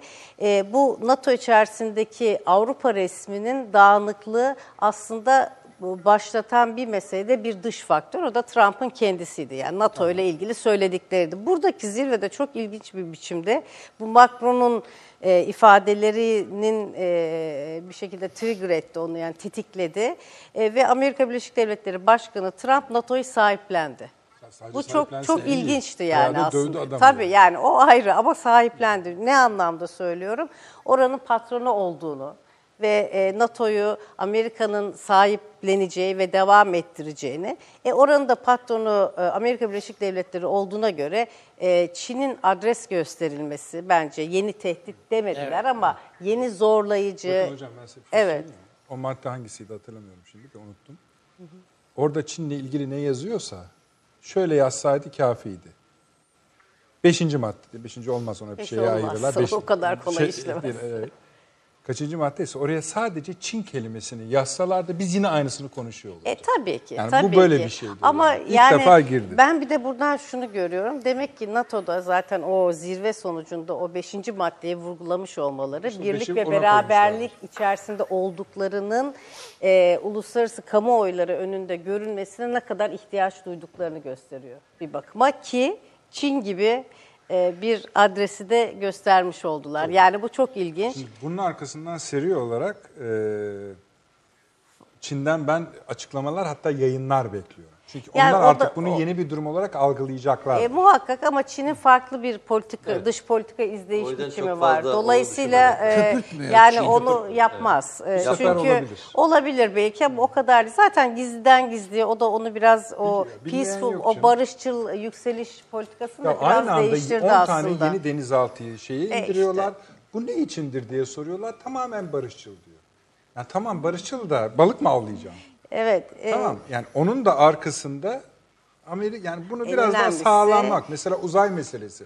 Sadece hani işte e, artık uzay komutanlığının NATO'da Evet, ne yapacaksınız? Hocam, Marslara mı saldıracaklar? Yok öyle bir şeydir. Ama çıktı söyledi işte NATO Genel Sekreteri. 2000 tane uydu var, 1000 tanesi NATO'ya aittir. Tabii tabii. tabii. E, bütün bu resmin içerisinde tabii hani Türkiye'nin bence e, görünüşü, e, e, duruşu tabii ki eski zirvelerden çok farklı. Ona ben de katılıyorum. E, ön- e, en önemlisi elindeki o e, kulübün, NATO kulübünün içerisinde olmaktan dolayı elindeki o bir kartın önemini karşı tarafa göstermiş oldu. Bence en önemli çok şey önemli budur. bir araç yani. yani dedi ki bakın ben artık öyle her zaman e, beklen, benden her zaman e, e, farklı davranışlar bekleyebilirsiniz. Yani kendi ulusal çıkarlarım e, söz konusu olduğunda her türlü imkanı kullanacağım dedi. Dediği anda da zaten münhasır ekonomik bölge anlaşması bir şekilde imzalanmıştı. Yani bunlar hepsi birbiriyle bağlantılı diye düşünüyorum. E, TANAP'tan e, gaz Aynen akmaya öyle başlamıştı. Ee, işte Ocak'ta biliyorsunuz e, e, bir Yani Libya e, anlaşması tam buna göre tabii kurgulandı. t- Net şeyle yani. mesela e, Başkan Putin'le bir görüşme var. En önemlisi de bence hani bütün bu kazançlarımız, duruşlarımız e, şu bu. Zaten NATO'da o terörizm e, kelimesini zaten ben tahmin ediyordum öyle muğlak bir ifadeyle e, hani herkesi memnun edecek e, bir şekilde çıkacağını. Ama esas önemli olan S-400'lerle ilgili mesele ortadan kalktı. Herkes pek sessiz. Evet, çok ilginç. yani bence bu çok önemli. Türkiye'nin en büyük başarılarından bir tanesi bu. Her ne kadar stand alone diyelim. Hani onlar işte efendim sisteme entegre edilmeyecekmiş. Ee, işte. Türkiye'nin meşru, evet, müstakil e, kullanılacakmış, şuymuş, O arada buymuş. İspanya bizdeki Çekiyor. patriotları tutuyor. Ha o tutuyor. Bir de küçük İsmail- şeyler var. Biz zaten Başka bir teşekkür bir- etmiştik onlara. Evet. Yani eksik Yani şunu diye. söylemeye çalışıyorum. Gerçi Somut- onların bir faydası olmuyor. O Ama ayrı işte hani mesele. bir- en azından İspanya mesela şey demiş oluyor. Yani siyaseten de duruyorum orada. Tabii bir de bu tabii işte Batı'nın e, bu PESCO'ydu, şuydu, buydu, bu romantik arayışta, romantik dememin sebebi şu, çünkü altını dolduracak kapasiteleri olmadığından. Yani İşler biraz Trump vari Keşke konuşuyoruz Süleyman ama Hocam burada olsaydı. Evet, Ben değişiyor. Ya ben Yani- ona inanmıyorum. Yok yani. ben de hani şu anda biraz Bey bir şey demiyor artık. Hocam kendisi. şöyle yani adamın iki tane helikopteri Afrika'da çarpıştı 70 tane ölü Fransız yani askeri. şimdi bir de şöyle. Yani becerilerini de kaybetti bu Ha işte Fransızlar. zaten oradan şuraya bağlıyorum. Türkiye'nin bir de bugüne kadar yani NATO'ya gelmeden önce yaptığı bütün operasyonlar. Operasyon da var bütün yani. o Çok büyük kazanımları. askeri ve, harekat yapmışsın. e, bütün bunlar yani Tereyağdan kıl çeker hali gibi. hazırda e, NATO'yu NATO yapan eğer patron Amerika Birleşik Devletleri ise ikinci büyük ordu da Türkiye Cumhuriyeti'nin ordusu. Siz NATO'nun yaşadı, ya- yani yaşadığını düşünüyor musunuz? E, şu anda Şu, yaşıyor. ya ölme yani şu. Yaşa- yaşamak çeşitli biçimlerde olabiliyor. Aynen öyle. Şey beyin ölümü de yaşam aslında bir şekilde. Yani ama şu anda yaşıyor. Ben ben benim gördüğüm Peki, eğer e, bu Trump formül- gitmezse yani bilmiyorum. e, Güçlendirecekler. e, ben evet yani Trump'ın NATO'ya sahip çıktığını gördüm. Peki Çin'de öyle o zaman mi bunun hocam? için Evet, uygun yani bir bayağı sahip çıktı. Ama bunu Hatta şurada, şöyle de Fransa'yı açıklamak azarladı. lazım. NATO'ya sahip çıkmasının arka plandaki asıl amacı nedir diye Nedir? düşündüm. Ee, hocam daha iyi bilir bilmiyorum katılır mısınız? Ee, yani burada tabii 2. Dünya Savaşı'ndan sonra NATO kurularak aslında NATO üzerinden Avrupa'nın kontrolü de sağlanmış oluyor. E tabii. Yani şimdi Ama güvenlik şimdi o, bağlamında. Yani şöyle o caydırıcılığında mesela azami derecede güçlendirmek İki üzere ülkeyi gidiyor. baskılamak için. Yani Almanya birisi- ve Japonya. Bak Japonya biraz NATO üzerine laf oldu. Orta Doğu'ya asker çıktı. Ama mesela şu anda Rusya'yı da o Baltıklar vesaire o konuşlanmalarla hani onun o o, İşte o- nasıl tıpkı yani. bu şeydeki e, efendim Adriyatik bölgesinde olduğu gibi yani ye- lokal komutanlıklar üzerinden NATO örgütlenecek. Yani e, adam yani herkese her yere burnunu sokacak değilsin ama şurada sen varsın diyor. zaten bir Şurada esnek Orta Asya, mukabele Orta Asya komutanlığında sen varsın gibi. Yani NATO'ya bir farklı bir şey mutlaka Amerika'da buna bir elbise biçtiler. Evet yani ben Trump'ın geri döndüğünü düşünüyorum sahiplenerek. Ve bir Afrika komutanlığı da var. O vardı zaten. O var, hayır yani var zaten de. Ama bu bunda artık Fransa ta- sancakları değil yani. Bunun. Evet. Yani esasında yaşayacağında mutabıkız. Neye lazım sorusuna tam Ha, ha. o ayrı. E, Amerika'ya için- lazım bu. Ya tabii ki hazırlık. Daha göstere göstere. Kesinlikle hazırlık içerisinde. Yani mesela çok ilginç hala e, o NATO'nun caydırıcılığın üç esası sizin yanınızda as- söylemek şey olmaz ama bir tanesi konvansiyonel güçler, nükleer, ve füze, füze savunma sistemi diyor. Radarda bizde bir tanesi. Kadar basit. Abi füzeler de devam edecek diye şeyde de metinde de Yani var. Yani. o hem öyle hem de dediğim gibi ve diyor ki yani her zaman o tekrarlanıyor ben özellikle bakıyorum. Ee, dünyada nükleer güçler olduğu sürece NATO'da nükleer güç olmaya kalacak. Evet, Ama burada da savunma vardı, gü- tabii.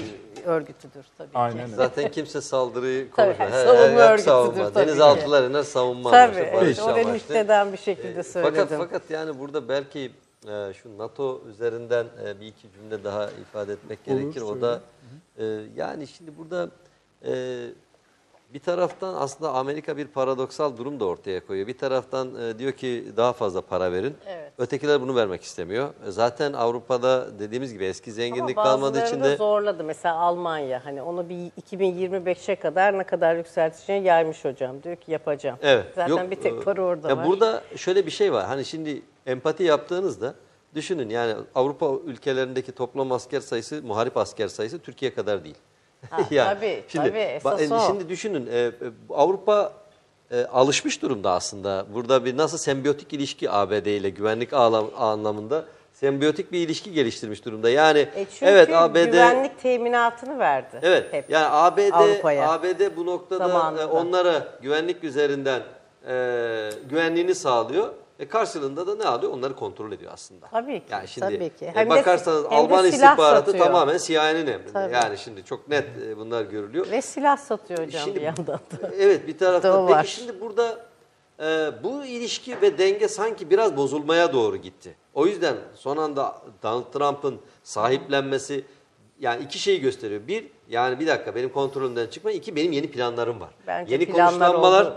Planlar Evet, oldu yeni kesin. konuşlanmalar ve yeni planlar. Tabii yapılmıştır Kesin, hatta. planlar Evet. Ama kesin. şimdi bu planlar neye karşı, ne için yapıldı? İşte o Ama onun onu- için de hocam ulusal Bu güvenlik soru- belgesine bakmakta fayda var. Kesinlikle, Orada evet. zaten Çin'i gösteriyor Çin. yani. Çok yani net. çok güzel hocam. Tabii, ben de aynen net bir, asker olarak yani. e, Tamam. yani Tabii. Bu size siyaseten katılıyorum. söyleyebilirsiniz Çin- de unutmayın NATO bir tabanca. Yani onun şekli şemalinin iyi tarif edilmesi gerekiyor bu yeni dönemde. Şimdi- Birleşmiş Milletler'de Çin üzerine gidebilirsiniz. Evet de WTO'da şeyi de unutmayın. Kosova'ya nasıl Kosova'ya nasıl gitmişlerdi? Toolbox'tan istediğini çekip gitmişti. Bak, yani e, bunu unutmamak Çin- lazım. En Çin önemli husus bu. Doğu Türkistan Güzel. gidecekler. Tabii, Aynen öyle. tabii, tabii. Bunu Sonra partner, Hong Kong. Hong Kong Doğu- Tabii meselesi şey, var. Evet. Bunu da açık yani. şey e, Hong Kong partnerler aracılığıyla. Savaş çıkmaz hocam. Hong Kong yüzünden. O iş ticaret işi. Doğru. Ama öbürü 20 milyon Türkistanlı Tabii, tabii. Türk'ü var. Doğu Türkistan yani Uygur Türk'ü var. 3 milyonu cezaevinde. Şimdi burada şu- Ve Na- işkence görüyor. NATO ile Çin'in bir kesişmesini bir gör- görmemiz lazım.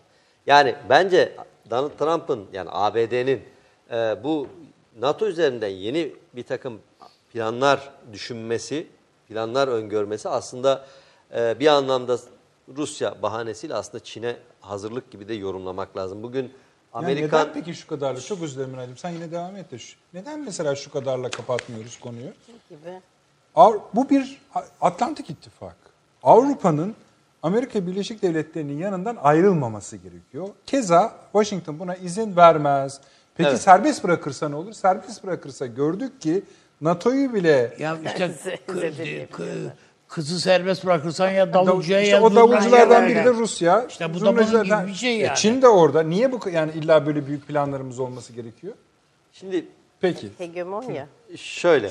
Ya hakikaten burada ben çok yönlü bir hazırlık, küresel Görüyoruz. sistem açısından çok yönlü bir hazırlık görüyorum. Bakın bir tarafta nihai hedefi Çin olan İran'a Taşansı yönelik, hocam unutmadım size geliyorum. nihai hedefi Çin olan İran'a yönelik bir operasyonel hazırlık var. Bu e, 2017 Mayıs ayında dü- düğmeye basıldı. Donald Trump'ın e, Suudi Arabistan'a gidip kürenin başında fotoğraf çektirmesiyle. Yani bu adım adım ilerliyor. Hatta işte e, hani konu şöyle bir bağlantısı var. İşte neden PYD 33 bin tır? Şimdi bu PYD 33 bin tırın bir bölümü evet Türkiye ama bir, hepsi de Türkiye değil. Burada anlayabildiğimiz kadarıyla yani yaptığımız askeri İran'a karşı analizlerde da- efendim hocam. İran'a karşı Evet, da onu İran'a yönelik yani, bir tabii. e, operasyonel süreçte Orta Doğu çok e, noktalı çatışma alanlarına dönüşüyor. Yani oraya dokunduğunuz an e, o, o çatışma orada kalmıyor. İşte bu ortamda PYD'ye ihtiyacı var. PYD bir kara, kara gücü olarak Arapların yanında ihtiyacı var. Bir kere böyle bir Tamam. zaten e, işte Pentagon belgelerinde de geçiyor. Şimdi bakın bir, bir ucu Orta Doğu üzerinden İran'ı e, özellikle enerji e, hatlarını kesmek ki Japonya'nın nasıl e, İkinci Dünya Savaşı başladıktan iki yıl sonra e, o savaşa sokulduğuna bakarsanız arkasında enerji e, olduğunu görürsünüz. Japonya'nın bütün enerjisini kestiler. Bütün mal varlıklarını Avrupa ve Amerika'da dondurdular. Japonya savaşa girmek durumunda kaldı. Çin bunu çok iyi biliyor. Şimdi burada NATO ile Çin'i kesiştirecek olursak ya da bu e, süreçlerin nerede çakıştığına bakacak olursak demin ben de ona katıldım. E, Çin en hassas zafiyete dönüşebilecek, istismar edildiğinde zafiyete dönüşebilecek birinci öncelikli problemi enerji. Bu enerjide alternatif enerjiyle yani karbona dayalı enerji değil de alternatif enerji sistemleriyle mevcut teknolojisini ve toplumsal kalkınmasını, sanayisini devam ettirebilecek bir potansiyele ulaşıncaya kadar ses çıkarmayacak. Barışçı. Hiç ses çıkarmayacak, hiç karışmayacak. Suya Alttan sabunlar. alta A- hazırlıklarını ama, yapıyor ama zaten aslında. ne zaman ki bu enerji kapasitesine ulaştığı andan itibaren Çin'in politikalarında büyük bir değişiklik olacağını düşünüyorum. Şimdi bunu biliyorlar. Yani bunu Amerika'da biliyor, Avrupa'da biliyor. Ne zaman bu kapasiteye ulaşabilir ben hesaplayamıyorum. Yani çok Onlar zor. hesaplamışlar. He, onlar Evet, hesaplamışlar. sen yorma kendini. Evet. İşte bu hesaplama yani bir taraftan Şimdi muhtemelen yani bu Zaten özellikle bu Rusya ile müthiş bir NATO anlaş- NATO zirvesindeki şu en son olaylar bir arka planda şunu gösteriyor.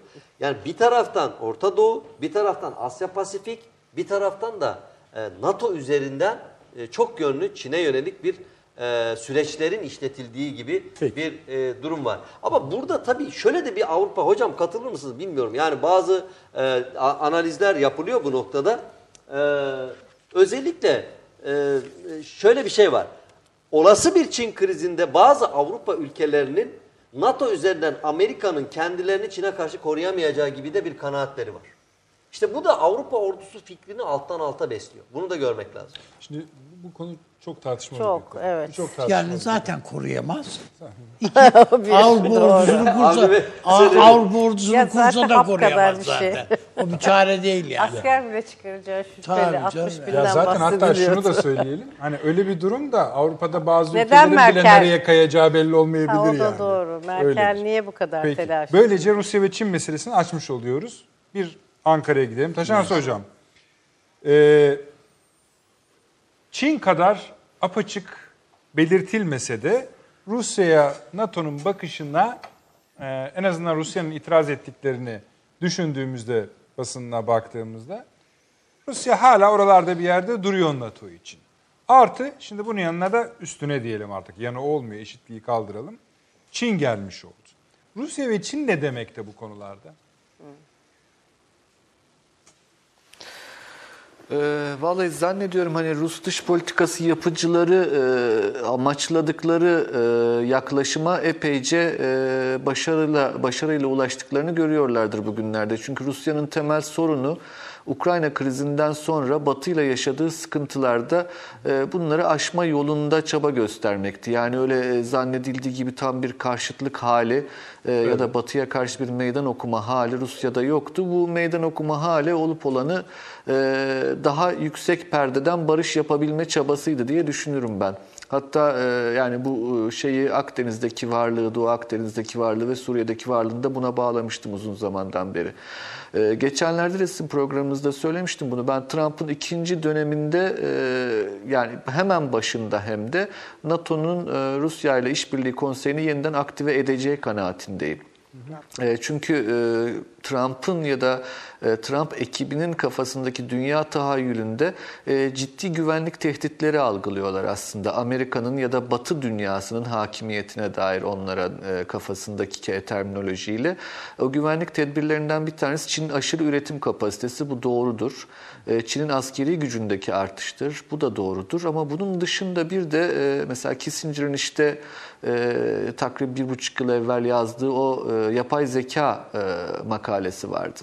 Yani bunu bir şekilde kontrolsüz bir e, yapay zeka gelişiminin, yani bu bilimsel teknik gelişimin Batı uygarlığının temellerini sarsacağına dair bir kaygıları var. Yani tüm aydınlanmayla beraber oluşmuş olan Batı dünyasının tüm değerlerine sarsacağına dair bir e, kaygı var ortada.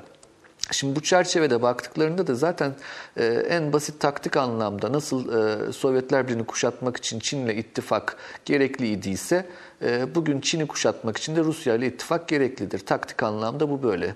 İkincisi e, bir e, medeniyet kelimesi bizde e, tekil kullanılırdı çok yakın zamanlara dek. Yani medeniyetler kelimesi kullanılmazdı Türkçe'de. Hatta 19. yüzyılda medeniyet diye bir kelime de yok. Zannedildiği gibi Arapçada değildir medeniyet kelimesi. Biz onu bugünkü halini yani o sivilizasyon anlamına e, 20. yüzyılın başlarında soktuk. E, Ahmet Cevdet Paşa e, mesela e, tek bir sivilizasyondan bahseder, onun parçası olunur der. E, medeniyeti çoğul kullananlar genelde e, bölgesel hakimiyet kaygısında olanlardır. İşte Rusya'da Danilevski, İngiltere'de Toynbee gibi. Bugünkü Trump aklına ya da Trump ekolünün aklına baktığımızda da Amerika'da e, bu şekilde bir medeniyet ayrımlaştırmasının içinde de Rusya dışarıda kalmaz. E, bu genel çerçevenin içinde baktığımızda şöyle bir metafor kullanmak mümkündür. E, Türkiye e, bir apartmanda yaşıyor. Bu apartmanın yöneticisi Amerika. Ve e, yönetici olan Amerika e, çatı katında yaşıyor en üst katta. Eğer çatıda sıkıntı varsa sizden paradığı topla, topladığı parayla çatıyı yaptırır. Efendim yandan soğuk alıyorsa dışarıya izolasyon yaptırır. Yani o gün onun ihtiyaçları önceliklidir. Türkiye'nin buradaki değişimini e, mutlaka şöyle kaydetmemiz gerekir. Zemin kattan orta katlara doğru çıktı Türkiye. Zaten bu son NATO toplantısında da bunu gördük. E, Bunun sebebi biraz önce söyledim. Yani hem ekonomik kapasitesinin artmasıdır e, hem jeostratejik e, değeridir. Ama bütün bunların yanında bu coğrafyada başka Türkiye'ye benzer ülke olmamasıdır. Yani mesela İran konusu çok çok önemli bence. İşte NATO-Çin karşılaşmasında cephe hattının İran olacağını öngörmemiz gerekir. Ee, bu çerçevede baktığımızda bugüne kadar Orta Doğu okumalarını İran-İsrail karşıtlığı çerçevesinde okurken NATO'nun işin içine girmesiyle beraber bu sefer NATO-Çin karşıtlığında İran'ın Çin safında yer alacağını tespit etmemiz gerekir. Şimdi böyle bir savunma stratejisi düşünürseniz eğer yani e, NATO-Çin karşıtlığı içerisinde İran'ı düşünecek olursanız bir cephe ülkesi olarak Türkiye NATO içerisinde bulunan bir Türkiye mi E, yoksa e, orada NATO'ya ait NATO'nun kontrolsüz olarak kullanabileceği, herhangi bir kurala bağlı kalmadan kullanabileceği bir uydu devlet mi? Hangisi tercih edilir? Amerikan aklında e, Trump öncesi dönemde böyle bir uydu devlet hazırlığı olduğunu zannediyorum hepimiz biliyoruz. Hepimiz hemfikiriz bu konuda. E, Ancak Trump aklına baktığımızda NATO üyesi olan bir Türkiye'nin var olan kurumsal kapasitesiyle beraber bu cephe hattında bulunmasının ve NATO sistemi içerisinde bulunmasının daha önemli olduğu anlaşılıyor. E, Bunu daha önce de konuşmuştuk sizin programlarınızda bu küre ittifakında mesela. E, Ya ben çok da hoşuma gidiyor bunu tekrar etmek. E, Denediler e, ama bir şey gördüler. Türklerde seyfiye var. Yani kılıç erbabı. Araplarda keyfiye var. Türklerde ilmiye var. Araplarda ümmiye var. E, bizde kalemiye var. Orada kanemiye var. Kanem dediğimizde işte iki yaşında koyun. Yani e, bu, bu coğrafyaya baktığında bir kapasite sahibi olabilen tek ülke olarak Türkiye'nin görünmesi bu NATO-Çin karşıtlığı çerçevesinde de önem arz edecektir diye düşünüyorum. Şimdi burada bir de Rusya'ya baktığımızda apartmanın bahçesinde müştemilatta yaşayan bir e, Rusya olduğunu kabul etmemiz gerekir. Ve apartmana taşınmak ister aslında. Gözü oradadır ama apartmanın kurallarına da uymayı hiç istemez. Ee, Dolayısıyla ben kendi kurallarımla bu kulübün parçası olmak isterim der ve bu yüzden apartman yönetimiyle, apartmanın sakinleriyle, bu müştemilatta yaşayanlar arasında bir itiş kakış olur. Bahçe sınırındaki çizgide olur. İşte bahçeye ekilen maydanozu kimin toplayacağına dair olur vesaire. Ama unutulmaması gerekir ki eğer bir medeniyetler çerçevesinde bakarsak beyaz, Hristiyan e, bir Rusya Trump'ın gözünde kesinlikle düşman değil. E, bunun düşman olarak kabul edilmesi de anlamsızdır. Bunu da e, özellikle Batı'da yükselen milliyetçiliğe ve bu milliyetçiliğin daha e, 1930'lara benzeyen özelliklerle beraber düşündüğümüzde doğru olduğu anlaşılacaktır diye düşünüyorum. Bu çerçevede baktığımızda NATO kendisine yeni bir misyon tanımladı. Tanımlıyor değil, tanımladı. Artık NATO e, sadece transatlantik işbirliği değil, dünya hegemonyasına oynayan e, bir yapılanma aracı haline gelmek durumunda. Baltık ve Polonya planına baktığımızda da kulübe kendi kurallarıyla girmek isteyen e, Rusya'ya karşı anlaşmadan önce yapılacak olan itiş kakıştır. Yani bu pazarlıktır aslında. Orada güç biriktirme halidir diye düşünüyorum ben. Bu çerçevede Türkiye'nin pozisyonu son dönemde almış olduğu, uluslararası ilişkilerde almış olduğu pozisyona baktığımızda aslında ne kadar da bir şekliyle gelişen dünyayı takip edebildiğini gösterir Türkiye'nin. Aynı şeye mesela Polonya'dan da bakıyoruz. Polonya Cumhurbaşkanı da çıkıp birdenbire e, Rusya NATO'nun düşmanı değildir diyor. Yani halbuki bugüne kadar Polonya dediğiniz ülke e, Rusofobya konusunda işte Baltık ülkeleriyle beraber Ukrayna'yı da yanına alıp Gürcistan'ı da yanına alıp başı çeken ülke olarak karşımızdaydı. Burada belli bir yakınlaşmanın oluşacağı aşikar. Böyle bir ortamda Türkiye avantajlı mıdır? Ben dönüp dolaşıp en son bütün analizi Evet. yaptıktan sonra bir de Türkiye'nin açısından bakmayı tercih ediyorum. Kesinlikle avantajlı pozisyondadır. Çünkü Türkiye'nin komşusu olan Rusya ile ciddi anlamda iyi ilişkileri var. Ve NATO-Rusya arasındaki sıkışmışlık ya da tercihte yap, e, tercihte bulunma zorunluluğuna Türkiye itildiği zaman e, buradan Türkiye ne yazık ki zararlı çıktı her zaman için. E, umuyorum ki yani umut düzeyinde söyleyeyim bunu böyle bir karşıtlık içinden çıkmak Türkiye için faydalı olacaktır kanaatindeyim. Ama aynı zamanda yine bu NATO'nun dünyaya dair genel bir kapasite geliştirme çabası içerisinde Türkiye'siz böyle bir çabanın gerçekleşmesinin imkansız olduğunu e, aklı selim olan herkes görür. Biraz önceki konuşmada da hani ben çok fazla sizi duyamadım ama varmak istediğim nokta oydu. Merkel bunu görüyor mesela. E, Macron neden bunu göremiyor diyecek olursanız, e, birincisi e, Macron'un neoliberal e, düşünce çerçevesi ve o networkler tarafından iktidara getirilmiş olması bir ayak bağıdır. İkincisi taktik anlamda Akdeniz'de e, Türkiye'ye karşı, İspanya'ya karşı, İtalya'ya karşı e, bir yaklaşımı vardır. Yine aynı şekilde Libya'da e, burun buruna geldiğimiz aşikar. Ama bunların ötesinde başka bir şey var. Macron kendisine dair de sorunlar olduğu ortada. Şey vardır bir e, nedir onun adı? Bir tane adamın oğlu var çok e, çok da parlak olmadığının farkında olan bir şey olmayacağını düşünmüş. Bir alimin ona borcu varmış, götürmüş alime. Demiş ki buna bir şey yap demiş. O da ilmi cifir öğreteyim. Yani gayipten haber versin çocuk. Olur mu demiş yani bu oğlandan hiçbir şey olmuyor. Olur olur demiş yani öğretirim ben ona. Bir yıl sonra gelmiş öğrendi senin oğlun ilmi cifir demiş. E peki demiş e, madem gayipten haber verebiliyor eline bir yüzük almış avucunun içinde. Söyle bakalım oğlum ne var demiş. Oğlan hesaplamış etmiş şudur budur. Demiş ki ortası delik yuvarlak bir şey. E demiş nedir yani? Oğlan durmuş bakmış babacım değirmen taşı galiba demiş. Ee, baba da dönmüş bakmış e, alime demiş ki ya sen böyle mi öğrettin? Alim de demiş ki ben ona ilmi cifiri öğrettim. Ortası delik yuvarlak bir şey olduğunu gördü. Ama onun değirmen taşı değil de yüzük olabileceğini bilmek izan meselesidir. E, zannediyorum Macron da pek çok şey öğrendi ama izan sahibi değil. E, böyle bir sıkıntısı var Peki diye hocam. düşünüyorum. Teşekkür ederiz. Şeyi hocama yapayım. Şimdi mesela Polonya'nın açıklaması var. Rusya tehlike değildir diye. Ruslar tehlike değildir diye. E bunlar Kalin katliamını unuttular mı yani sizce? Yani uçak Hayır yani bu 22 bin Polonya'yı kat, Polonyalı'yı katletti. Yani Muhtemelen bunların hepsi bir tarafta duruyor ama adam burnunun dibinde olduğu için Korkudan. ağzını açamıyor yani böyle gibi. Ya öyle Rusya'nın tehlike olduğunu düşünmediğinden değil yani. Buyurun Taşan Hocam bir şey Aynen. söyleyeceksiniz. Yani rüzgar e, işte o yöneticinin e, kararları önemli o apartmanda. E, Dolayısıyla rüzgara uymak durumundalar. E, Ters düşmemek siyasettir zaten. Hani ana rüzgarları, ana akımları tespit edebilmek. E, Zannediyorum hani o anlamda Türk dış politikasının başarısında mutlaka hepimizin takdir etmesi gerekir. Rüzgarları çok iyi okuyabilen bir diplomasi geleneğine sahip olduğumuz Türkiye bir kere daha gösterdi aslında. E, Polonya'da aynı şekilde e, o rüzgardan yelkenini doldurmaya çalışıyor anlaşılan kadarıyla. Peki. E, çünkü evet e, Polonyalı olmak demek hani ne bileyim Yunanlı olmak gibidir. Günde üç öğün Ruslar geliyor dersiniz Polonyalıysanız. Yani Yunanlar nasıl günde üç öğün Türkler geliyor der. E, Buna rağmen e, böyle bir yaklaşım e, demek ki daha büyük bir çerçeveye onlar da tespit edebiliyor demektir. İnşallah Ermeniler de tespit eder hocam. E Ruslar ederse onlar da eder belki. abi. Yani Şöyle Türkiye bir şey ama. değildir derlerse mesela yok.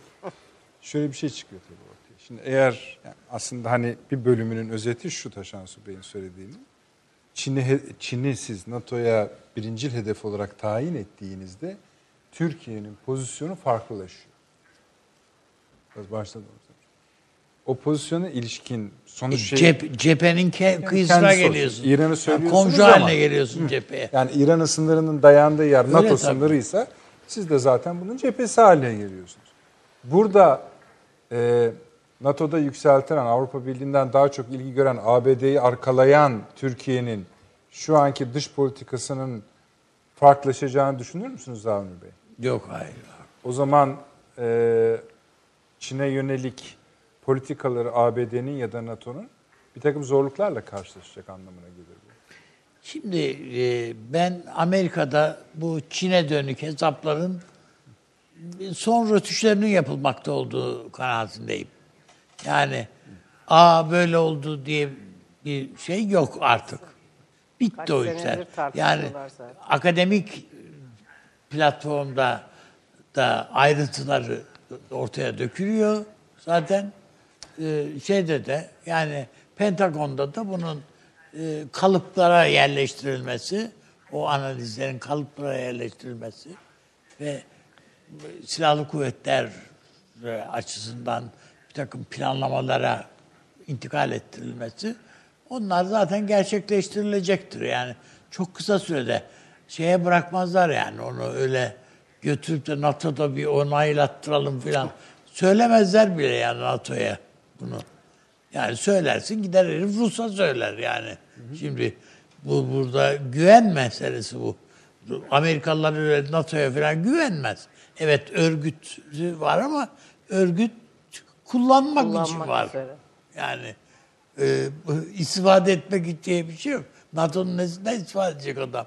Yani kendi istihbaratı NATO'nun bütün bi- birikimi, şusu busu Amerikan istihbaratı zaten. Başka bir şey yok ki. Onun için ben e, Çin te, te- bütün bu doğru ama Çin meselesinde e, manipüle edebilecek ülke Türkiye. Çin'i. Yani yırtınıyor Amerika. Sürgünde hükümet çalıştırıyor ya orada. Değil mi? Sürgünde Doğu Türkistan hükümeti çalıştırıyor. Ama sürgündeki Doğu Türkistan hükümeti bile hala Türkiye üstüne ve bizim Sultanahmet'teki kahvelerle oynamaya çalışıyor. Bu oyunu. Ha, bakıldığı vakit yani Türkiye eğer bu düğmelere basarsa yani Alptekinlerin filan o büyük göç Orta Asya göçlerinin e, Türkiye'ye dönük göçlerin yani Türkistan devletinin ne ortadan kaldıran o sürecin şeylerini Türkiye kaşımaya kalkarsa orada çok iş patlar. Hatırlayın yani evet Sovyetler Birliği çöktü möktü ama yani bir Hür Avrupa Radyo, Hür, Hür değil mi? Hür Avrupa Radyosu filan gibi. Erzurum'da yayın yapıyordu o radyo. O yıktı yani koskoca Sovyetler Birliği'ni. Yani basit bir şeymiş gibi görünüyor ama Etkisi oldu işte. Evet yani adamlar antene çıktıkları vakit radyoyu TRT yayınlarını kesmek zorunda kaldı.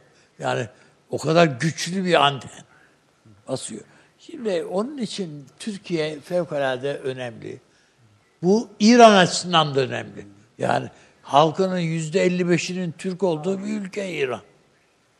Burada da düğmeye basarsan önemli. Yani Amerikan mı basacak oraya gelip de? Değil.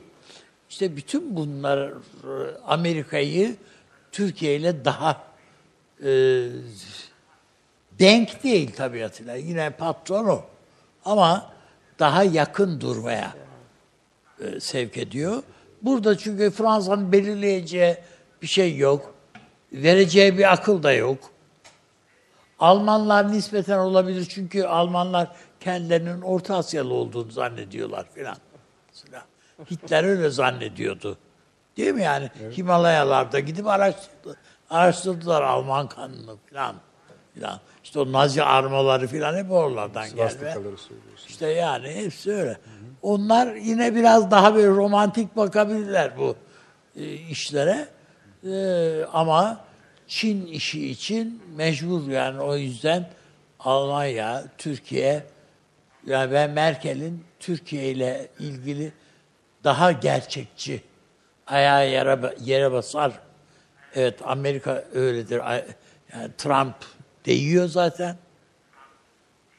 bütün yani sistemi e, biz şimdiye kadar bir yalancı bir şeyin e, oyunu böyle seyrettik.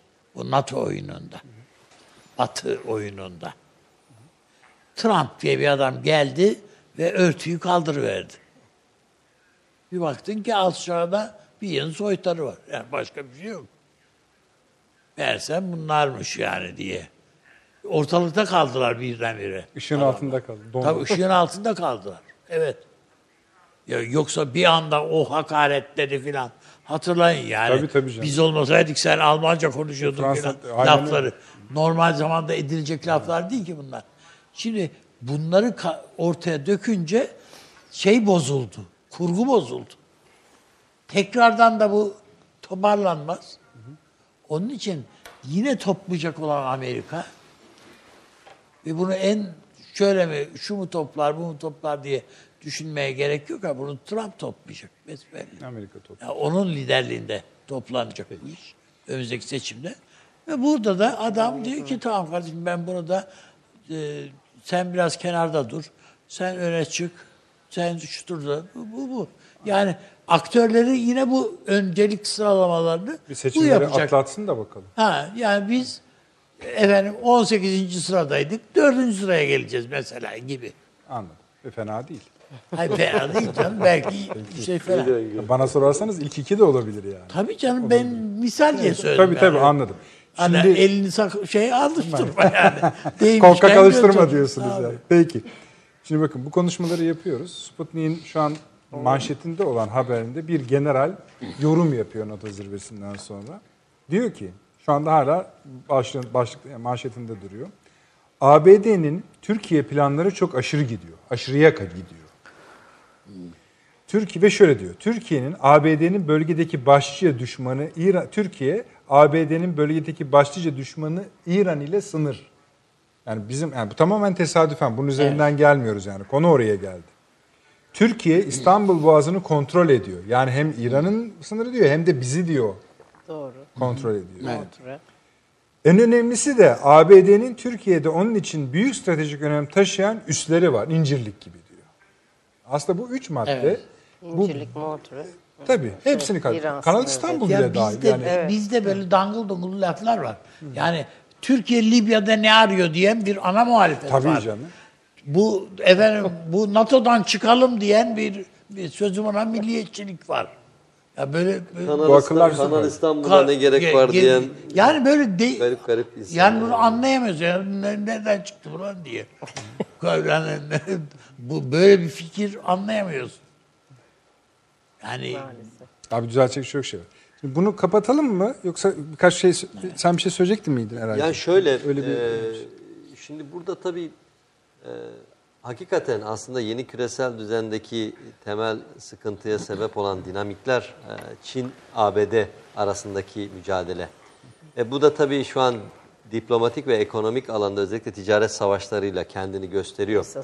E, hocam demin orada e, Askeri gayet e, güzel belirtti Taşan Hoca. Yani e, burada Çin'in o kontrolsüz, sınırsız büyüme kapasitesi Avrupa'yı ve Amerika'yı çok rahatsız ediyor. Bu yeni bir ekonomik model. Aynı sanayi devrimindeki o- olduğu gibi, 1800'lü yılların başındaki gibi. Bu yeni ekonomik model, her zaman yeni ekonomik modeller, yeni sosyal ve siyasal modeller üretmişlerdir. Bunun da geçişleri hiç kolay olmamıştır. Çok sıkıntılı, çok sancılı olmuştur. Birinci Dünya Savaşı çıkmıştır, İkinci Dünya Savaşı çıkmıştır, krizler çıkmıştır. Şimdi işte burada e, biraz önce Avni abi de söyledi. Yani bunun askeri hesaplamaları, provaları, simülasyonları yapılıyor. Tabii. E, ve aslında şu anda da çok önceden beri bu başlandı. Fakat e, bir türlü askeri, salt askeri anlamda Çin'i durduramayacaklarını biliyorlar. Ya şu an bile yani e, ABD mevcut askeri kapasitesiyle Çin'i şu an e, sınırlandıramayacağının farkında. Bunun için özellikle bir ara işte Güney Çin denizindeki o adalarda e, Amerikan donanmasıyla Çin e, donanmasının hava kuvvetlerinin böyle karşılıklı dalaşmalarını filan karşılıklı notalar verilmesini filan çok yakinen takip ettik. Fakat e, yani burada bu planlar yapılıyor ama neticede tek başına askeri olarak sınırlandırmak mümkün olmadığı için işte diğer alanlarda da NATO kullanılmaya çalışılıyor. İran üzerinden yürünmeye çalışılıyor ve e, işte diğer argümanlar işte Avrupa'nın bu noktada kontrol altına alınıp ABD ile birlikte hareket etmesini e, isteniyor. İşte bunun belki alternatifi ya da istisnası Fransa olmaya çalışıyor. Fransa olduğu için de sarı yelekliler falan oralarda inkişaf ediyor. Bakınız enteresan bir anekdot paylaşayım. Ee, geçen yıl e, işte yaklaşık Kasım ayı sonlarıydı ya da Aralık ayı başı e, Fransa Dışişleri Bakanı'nın bir açıklaması oldu. E, buradaki e, sarı yelekliler burada eylem yapıyorlar ama bunun dışarıdan yönlendiğini biliyoruz. Amerika lütfen Fransa'nın iç işlerine karışmasın. Tam tam cümle bu. İşte burada aslında hani Fransa'yı anlamamızda, küresel anlamda anlamamızda şu bilgiler belki daha yardımcı olabilir. Tabii bu nereye doğru gider? Bu Fransa'nın dizaynına doğru gider. Yani Fransa bu noktada hem Macron'un e, kapasitesizliği diyeyim e, hem de e, diğer yönlerden zayıflayan etkisi e, Fransa'yı bu noktada daha fazla direnebileceğini düşünmüyorum. Ama tarih öyle bir pozisyon yarattı ki Türkiye'ye. Gerçekten Doğu bloğundan Doğu bloğu açısından baksanız yani Çin, e, Rusya, İran, Batı bloğu açısından baksanız ABD, Avrupa hattından her ikisinde de kesişim noktası şu an Türkiye gibi görünüyor. Eskiden Şey NATO Varşova arasında bir denge idare etme metodolojisi. Taşans hocam bir şey mi söylüyorsunuz? Yok öyle geldi. Yok, Şey- hayır din- e, Tamam. dinliyorum dinliyorum. Tamam hocam. Şimdi hem aktörler çok kutuplu dünyanın çok oyuncusu hem de güçlü oyuncusu olduğu için her biri için de ayrıca kıymetli hale gelmiş bulunuyor. Evet. Konjonktür öyle bir şey. Dengenin Bu arada bir önemli yani. geldik, evet. Orada bir son dakika geçmesini de e, paylaşıyorum. Biliyorsunuz bu Ermeni yasa sözde soykırım yasa tasarısı Amerika'da geri çekilmişti Evet. ziyaret sırasında. Lindsey Graham durdurmuştu bunu. Onu tekrar getirdiler. Onu tekrar getirdiler. Beyaz Saray tekrar durdurmuş. Yani tekrar bunu atmış. Böylece arada bir tane daha olmuş yalnız. Ondan haberimiz olmuş muydu?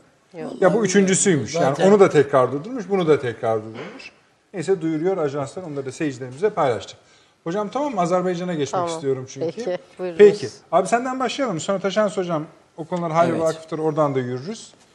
Bu İki, birkaç bir şey var yani. Birincisi Azerbaycan'da bürokrasiye de hakim olan bir kadro tasfiye oldu. Yani, bürokrasiyi tarif edecek, etmek ister misin? yani isimlendirmiyorum Tamam, ama peki, yani peki. bunlar ta, ta- Seyircilerimiz anlamıştır. Yani o bölgeyi iyi bilen dostlarımız anlamışlar, şey yapmışlar. Tasfiye oldular. Yeni bir ekip gelecek. Bu seçimlerin bir amacı o. Burada da, e, belki efendim e, Cumhurbaşkanı yardımcısı olarak e, Mihriban Aliyeva efendim e, daha güçlenmiş gibi görünüyor ve güçlenecek gibi görünüyor açıkçası. E, beş sene öncesine, üç sene, beş sene öncesinde biraz böyle daha şey siyasetin biraz şeyinde fa- fa- çok farkında olmadığı hissini veren bir hanım. Ee, şimdi öyle değil. Fotoğrafları da farklılaştı. Falan yani giyim kuşamından tutun da e, şeylere kadar yani. Diyeceksiniz efendim. Ne demek? Evet, fa- farklılaştı. Ama şunu Şimdi ben öyle, e- yani bu, e, demin söylediğiniz çok önemli. E, Bu bürokrasiye hakim kadronun tasfiye olması, yeni bir ekibin gelmesinin Azerbaycan üzerindeki etkisi ne olabilir? Şimdi şöyle, bu Çünkü ben de Azerbaycan'da 6 Evet. 6 ay kadar görev yaptım. Orada e, Bu çalışmalar Türkiye yaptık. şöyle yani bana işte benim de söylemek istediğim o. Bu Türkiye'ye daha yakın. Türkiye'ye daha yakın. Kafkas siyasetinde Ankara'yla birlikte hareket etme kararlılığında bir ekip olacak. Ve bu- bundan çok hoşnut olmayabilir Rusya. Evet. Açıkçası Hep dengelemek çok Rusya'nın hoşnut olmayacağı bir tablo çıkacak oradan. Ama seçim bu son, bu sonucu verecek orada. Bir de İran'daki gelişmeler de bastırıyor aşağıdan. Yani o şey değil o kadar. Ee, bu Ermenistan'ın kışkırtmaları, o e, acul acul laflar, şunlar bunlar falan. Hepsi Azerbaycan'da bir ka- köpürmeyi, bir kabarmayı, bir milliyetçi dalgayı e, şey yaptı, besledi. Onun için ben daha yerli yerine oturacağını düşünüyorum. Herhalde bu kadar konuşmak istersiniz bu konuda. Yani evet, daha sonra konuşuruz canım bunu. Peki. Taşansı hocam Buyurun. Bir şey demeyeyim peki. Ozan hocam iyi bilir Azerbaycan. Azer, Azerbaycan konusu herhalde Evet, değil mi evet. Nedret Bey? Avni Bey'in söyledikleri de var. Ben Ee, biliyorum siz özellikle Azerbaycan'a iyi yani kendi özel merakınız da var. Buyurunuz. Ee, Yani hiç merak merak olunmayacak bir yer değil öyle söyleyeyim aslında. Eyvallah. Ee, müthiş cazip, çok güzel bir Türkçe konuşulan, e, çok güzel yemekleri olan, e, musikisi harika, şiiri harika. İlk Türk, Türk, Türk, Magam. Türk tiyatrosunun, ilk Türk operasının yani Türkçe olarak dillendirildiği, ne bileyim işte Ahmet Ağaevi, e, Ahmet Ağaoğlu'nu Anne bize sizin söylediklerinizi eden. yumuşatıyor Taşan Bey. Yok yok ya güçlendiriyor Güçler- hocam. Eyvallah, eyvallah. Eyvallah. Buyurun hocam dinliyoruz. Ee, dol- Dolayısıyla hani bizler açısından tabii ki e, son derece önemli. Ee, Paşaev ailesi vardır e, Azerbaycan'da. Mehriban Hanım'ın ailesi e, ve Aliyev ailesi. Bunlar iki büyük aile olarak kabul edilir zaten. Ee, merhum Haydar Bey de yani gerçekten hani Sovyet bürokrasisi içerisinde yetişmiş, o devlet tecrübesini almış bir devlet adamıydı. Türk dünyası için o anlamda çok önemlidir. Ee, mesela işte Nursultan Nazarbayev, o ve Tataristan'ın kurucu devlet başkanı Şaymiyev. Bu üçü e, işte Rus devletinin içinde, Sovyet devletinin içinde yetişmiş insanlardı. Ee, tabii ki hani onun öncesindeki romantizmi de unutmamak lazım ama Aliyev döneminde de Haydar Bey'in döneminde de devlet resmiyle işte oturdu, yerli yerine oturdu. Ee, Biz hepsine minnettar olmak durumundayız. Ee, Bugüne baktığımızda poliglot, e, çok dilli yeni bir nesil yetişiyor aslında Azerbaycan'da. Yani e, Sovyetler Birliği döneminde e, yine kendi diline hakim olma konusunda diğer Sovyet Cumhuriyetlerinden çok öncelikliydi Azerbaycan. Mesela Stalin Tatarca demişti Azerbaycan diline. Onlar buna e, direndiler, Türkçe olarak kullandılar, kendilerine Türk dediler. Türkiye'de yanlış bir şekilde Azeri diye adlandırılır. Azerbaycan'da Azeri diye bir şey yok. Orası ülkenin adı Azerbaycan, Türkler yaşar ama e, bunu biz Türklere bile öğretmekte zorlanıyoruz yani. Doğru, E, ama e, bu iki aile içerisinde Paşaev ailesi tabii ki çok önemlidir. Hem entelijansiyadan gelmesi e, hem de gerçekten köklü bir yönetim geleneğine sahip olmaları. E, Mehriban Hanım da onların kızı. E, zannediyorum e, bu yeni gelişen çift dilli yani hem Rusya'ya hem e, Batı'ya hakim olan e, neslin artık önü açılmaya çalışılıyor e, Azerbaycan'da. Çünkü ne olursa olsun e, tarih öyle çok da hızlı akmadı aslında post-Sovyet dönemde de. Sovyetler Birliği bağlantıları, Rusya bağlantıları, o kültürel kodların süreklilikleri devam etmişti. Şimdi hem bunlara hakim olan ama bir yanıyla da Batı'yı çok iyi bilen e, bir nesilden bahsediyoruz Azerbaycan'da. E, yani e, hep böyleydi zaten. Batı'ya da merakı vardır hep Azerbaycan'ın Sovyetler Birliği döneminde. de. Mesela çok güzel caz müzik yaparlar.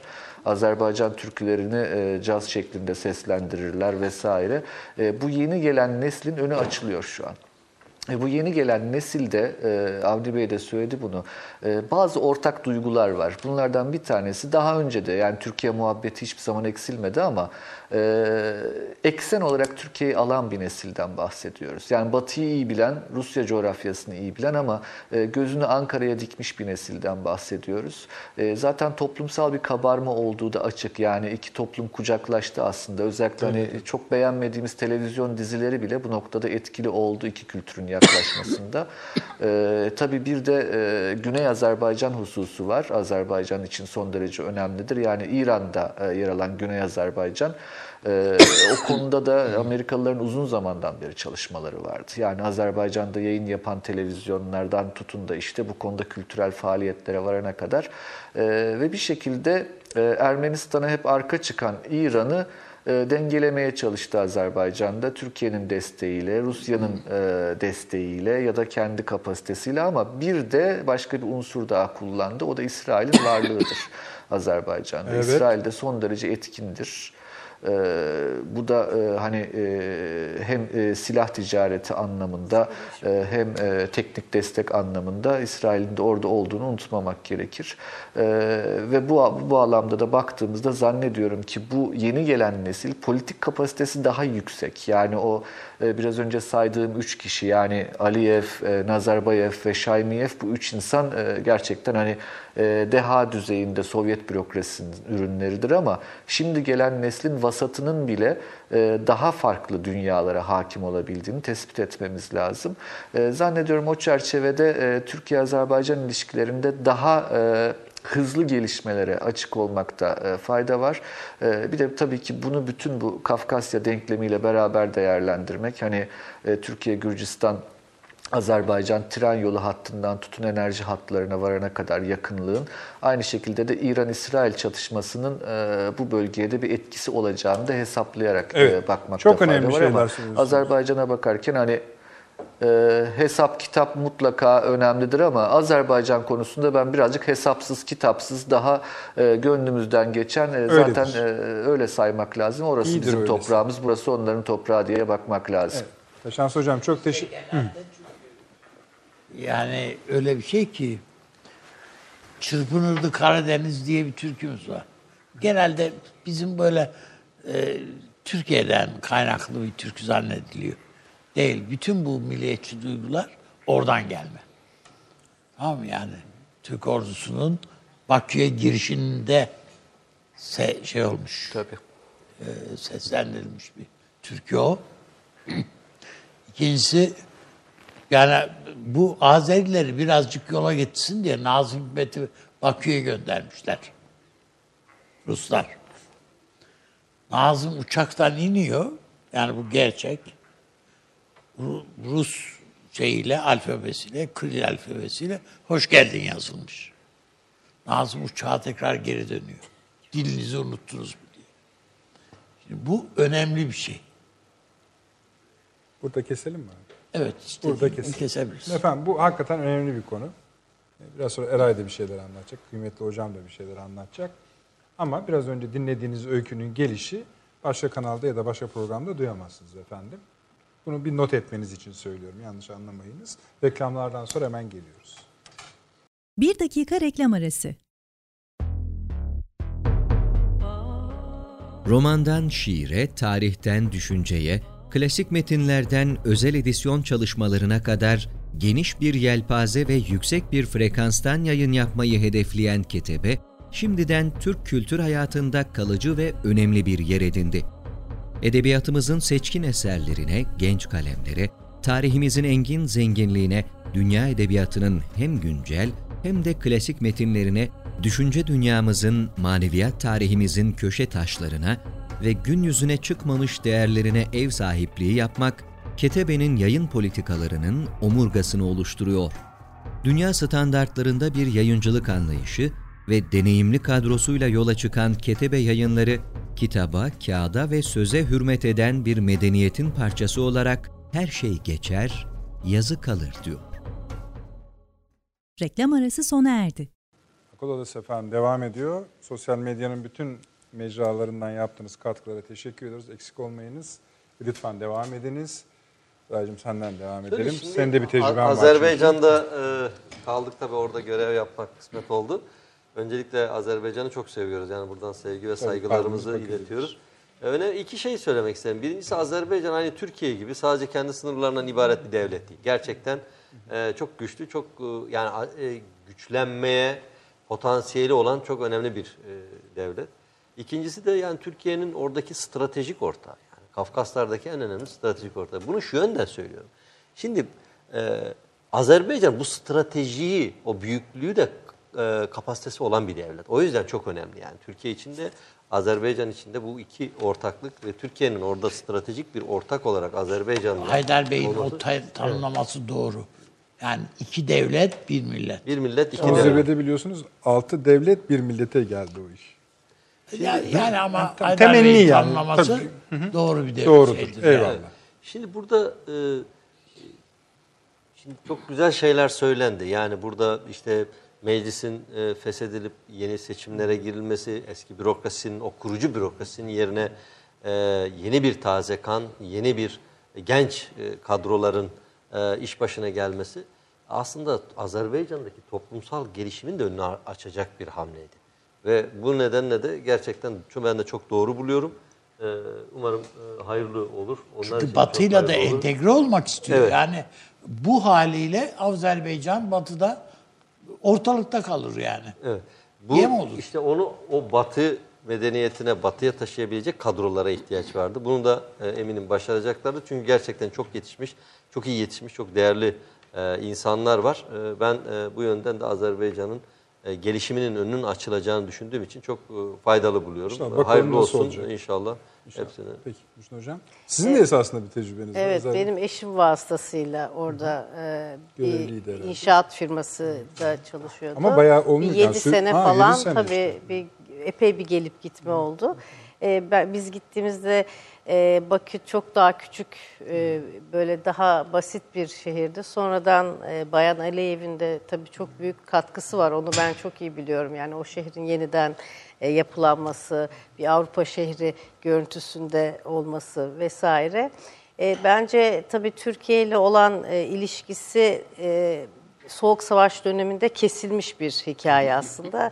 Gene oradaki e, bir e, şoförle konuştuğumda bana şöyle demişti. Biz hiç bilmiyorduk sınırların ötesinde bir Türkçe konuşulan bir ülke daha varmış. Türkiye için söylüyorum. Türkiye için söylüyor. Yani hani Soğuk Savaş'ın e, ne anlama Ne geldiğini kapalı ol- ve evet. nasıl kapalı olduğunu Zor. biz görüyoruz ve oradaki normal e, halka baktığınızda gerçekten bizim televizyonları izlemeleri, e, hatta işte bizim diyalekte neredeyse hakim olmaları vesaire. E, bir de tabii çok e, köklü bir edebiyat olsun, sanat konusunda olsun hocam bahsetti. Müthiş bir birikimleri var. Yani inanılmaz bir e, şey, e, birikim ve tarihsel bir geçmiş var. E, müthiş sesler var. Onu da unutmamak lazım. Hocam da bahsetti işte Mugam müziği, onun caz versiyonu hepsi. Böyle bir birikim var ama onların ötesinde tabii bence jeostratejik olarak çok kilit bir yerde. Yani e, bir e, bence o e, Kafkasların işte Gürcistan, e, Azerbaycan'la birlikte olan e, o alan e, uzun bir süre Soğuk Savaş'ın hemen sonrasında e, bir çekişme alanı da oldu. E, şimdi bu yeni kadrolardan bahsediliyor. E, Azerbaycan düne kadar hep Rusya'yı dengelemek ihtiyacı içerisindeydi. E, benim Yani bir anladığım şey yaparken bir gözüyle hep o tarafa tabii, bakıyordun. Tabii. Yani benim anladığım tabii e, uzun bir dönem oldu yani bağımsızlıktan bugüne ve Türkiye'de Türkiye ile olan ilişkileri de o nispette derinleşti. Sadece enerji ayaklı ya da ticaret e, e, tabanlı bir ilişkinin ötesinde zaten biraz önce arada da konu ya şimdi de konuştuk bu iki devlet ve bir millet meselesi Aliyev'in bahsettiği yani duygusal bir e, e, zemin zaten orada var. E, indiğinizde zaten ben ilk havalimanını hatırlıyorum. Çok küçüktü. Sonradan şimdi büyük bir havalimanına da sahipler. İner inmez zaten Türkçe konuşmaya başlıyorsunuz. Yani ortak bir e, temas ve iletişimi arttıracak çok husus var orada. Onu söylemeye çalışıyorum.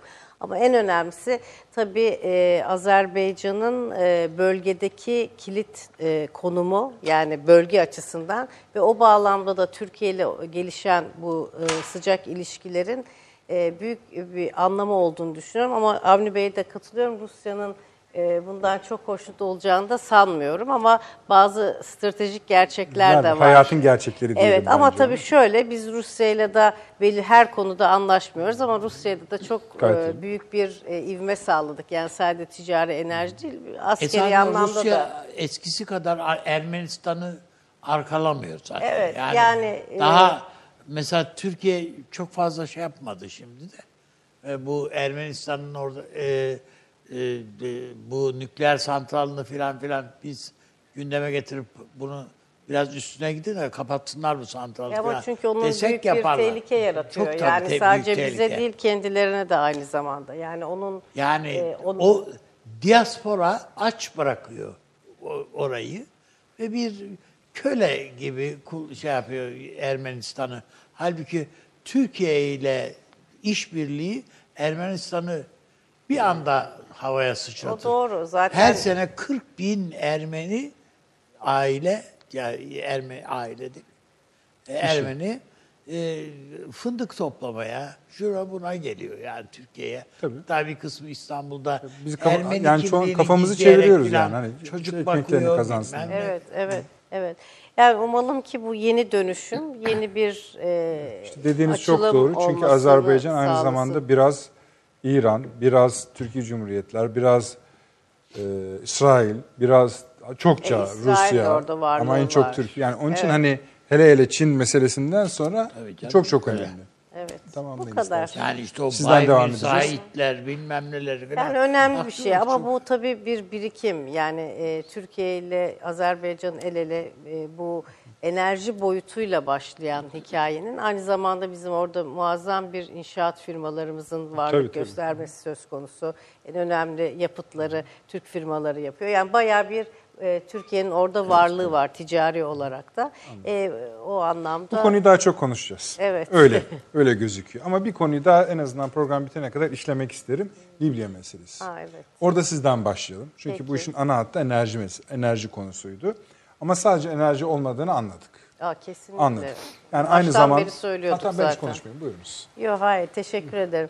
Yani şöyle bu hidrokarbon meselesi 2009 senesinden itibaren e, çeşitli aşamalardan geçerek bugüne kadar bizi getirdi. Çok özetleyecek olursak e, bu bağlamda bir e, işte Güney Kıbrıs Rum yönetiminle başlayan bir süreç var. Buna e, işte ilk tabii İsrail'le başlayan e, bu Leviathan ve Tamar bölgesinde takiben e, gaz rezervleri. Sonra 12. blokta e, işte bu parselde tartışmalı e, aslında e, KKTC'nin de hakkı olan yani Kıbrıs adasının her tarafındaki ortaya çıkan gazda eşit miktarda e, kaynak ne hangi kaynak olursa olsun KKTC'nin de hakkı var.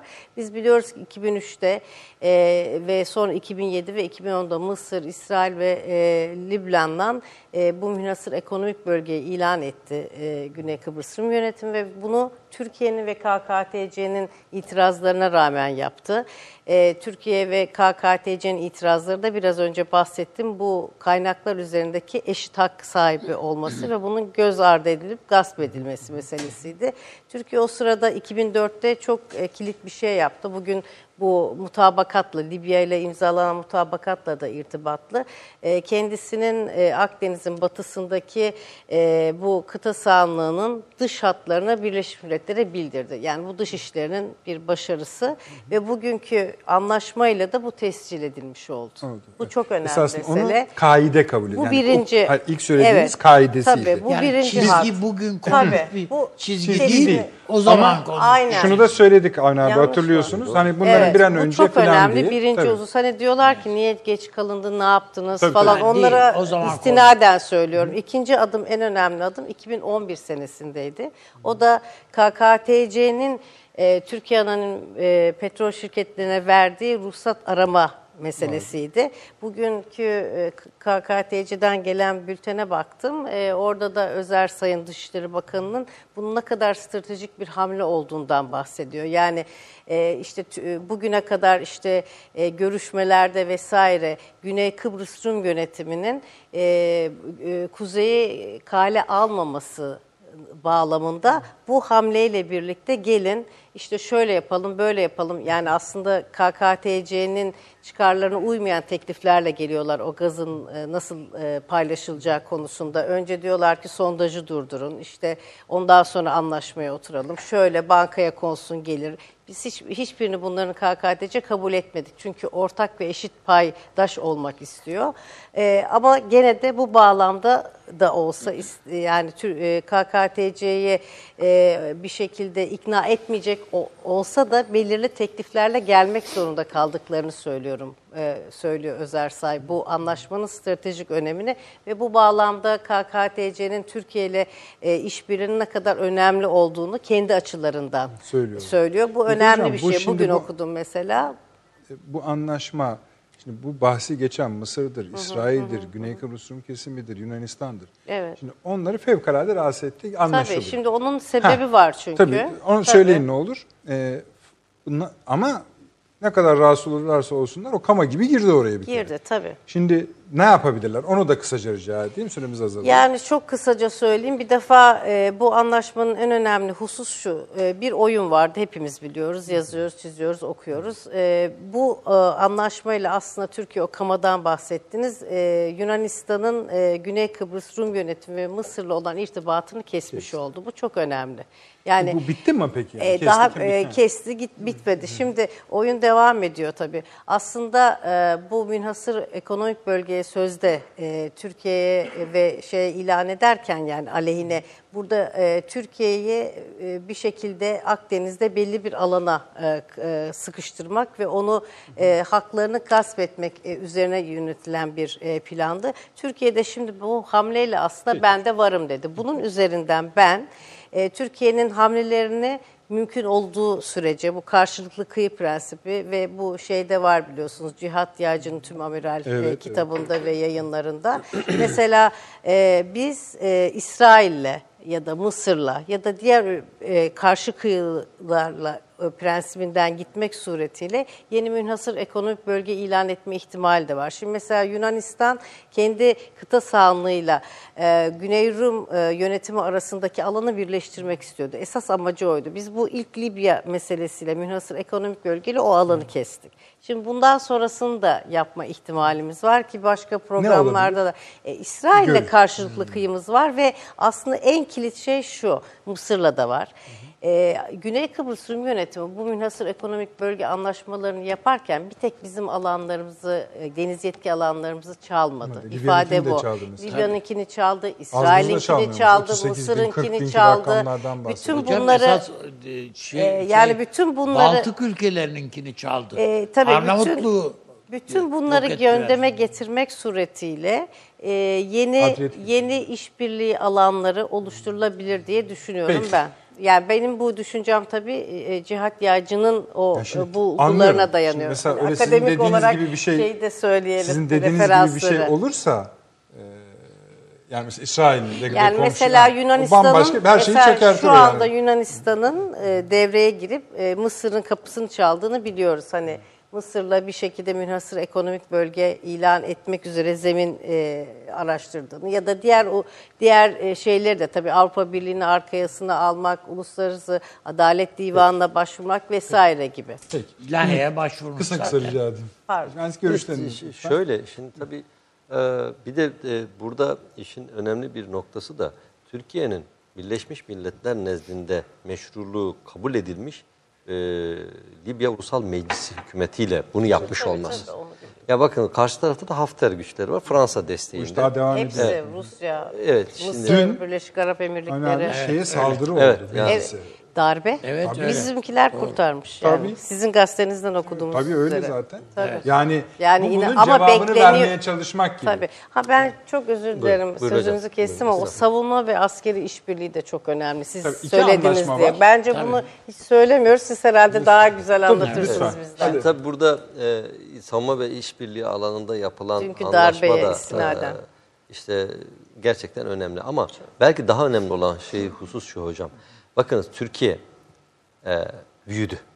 Türkiye hak ve menfaatlerini koruyabilmek için sadece sınırlarında bekleyerek bunu yapamaz. Tabii tabii. tabii. Ama artık derinlikten, e, ta karşı kıyılardan itibaren e, bu anlaşmaları, bu vatanın e, tarifi de değişti. Evet, tabii, vatanın sınırların Tabii, tarifi sınırları. değişti. Hangi sınır? Siyasal sınırlar e, kavramı aslında çok daha yani bir ülkenin varlığını devam ettirebilmek için artık siyasal sınırlar çok fazla anlamlı e, anlamlı olmuyor. Daha derinliklerden itibaren e, etki alanları, ilgi alanlarını oluşturup oralarda arsıl e, yapacağı faaliyetlerle kendi ana vatanını e, koruması ya da gelişmesini e, sağlayabiliyor. deniz yetki alanı meselesi o. Şimdi e, belki bir diğer hususta da biliyorsunuz aslında uluslararası hukukta bu uluslararası deniz sözleşmelerinde e, bazı muğlaklıklar var. Yani işte münasır ekonomik bölgeler deniyor ki ülkeler arasında e, karşılıklı anlaşmayla hakkaniyete göre çözülür diyor şimdi tamam mı?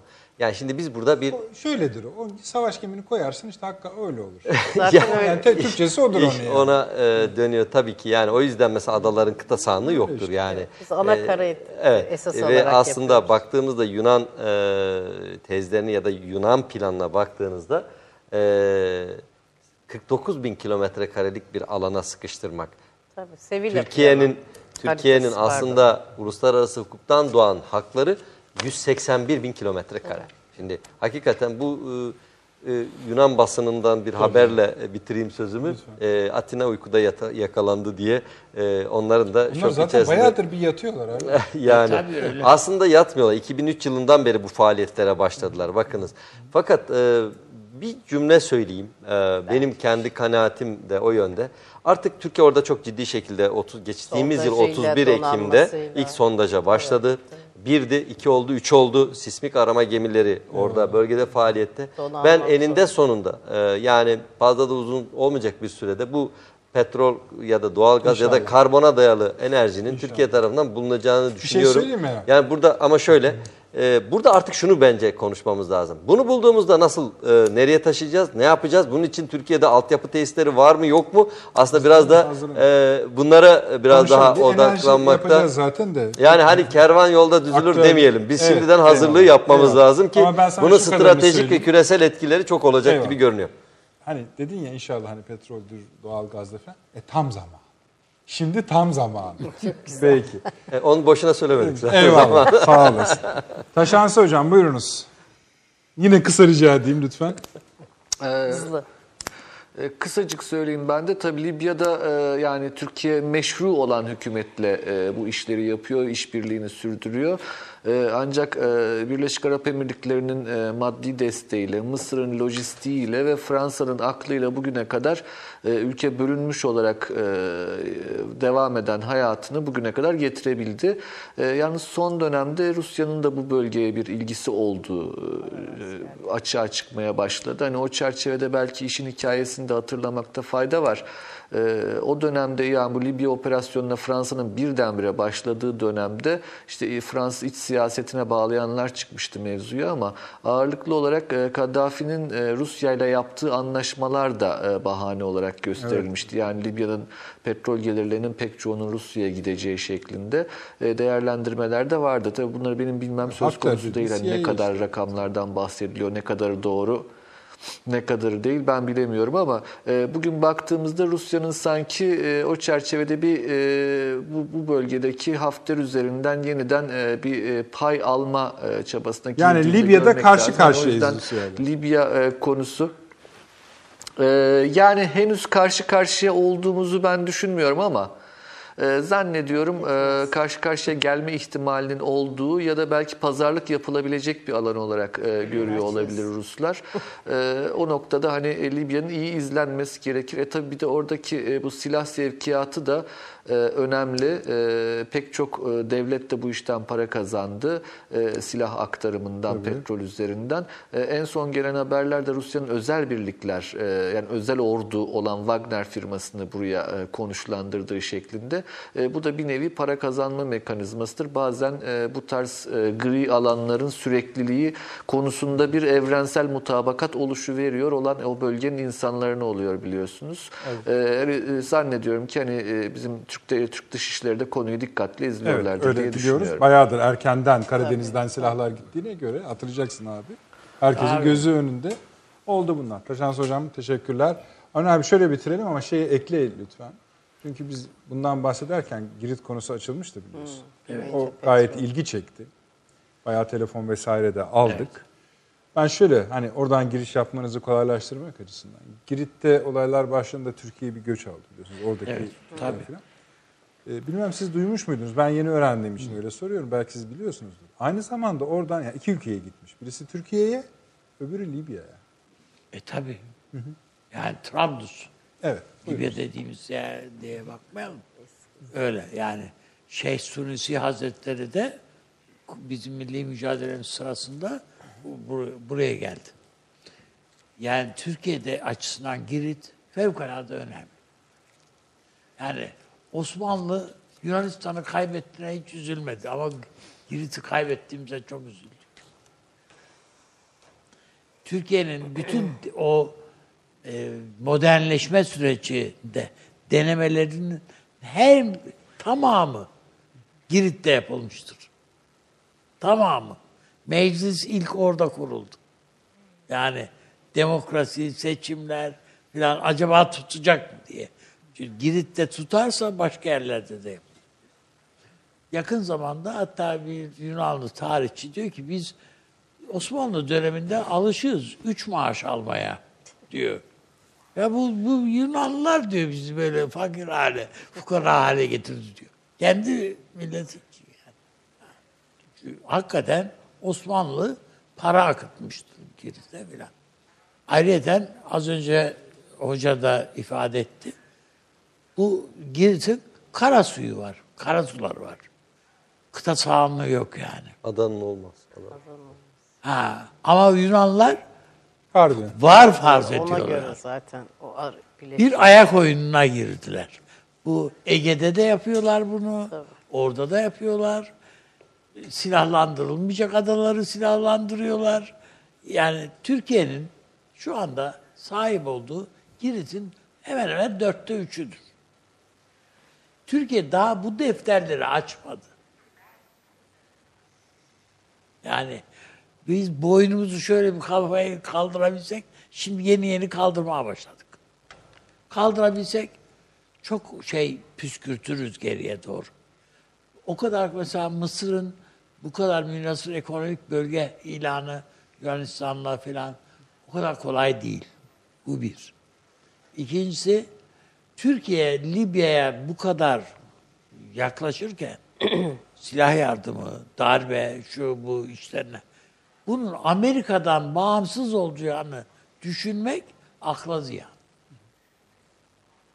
Yani oraya diyelim ki zırhlı araç gönderiyoruz. 800 adet zırhlı araç. Değil mi yani? Bu öyle az buz bir şey değil Görünmez. Ama Yani- iyi ki gitmiş. Ne diyordun Hoşun Hocam Darbe, ya yani. tabii. Ya bir anda Yani Ama bekleniyordu. bekleniyordu tabii canım. Bunlar- Türkiye boş durmadı. yani, Herhalde. yani bunların hepsi muhtemelen Katar'dan sonra bir bu. şekilde Tabii, yani evet. e, bir takım kanallardan Tabii. herhalde Washington'a da iletilmiştir. Şudur budur. Yani öyle çok fazla Türkiye şeyle böyle arkadan oyun çevirmez yani Evet. Peki. işlerde.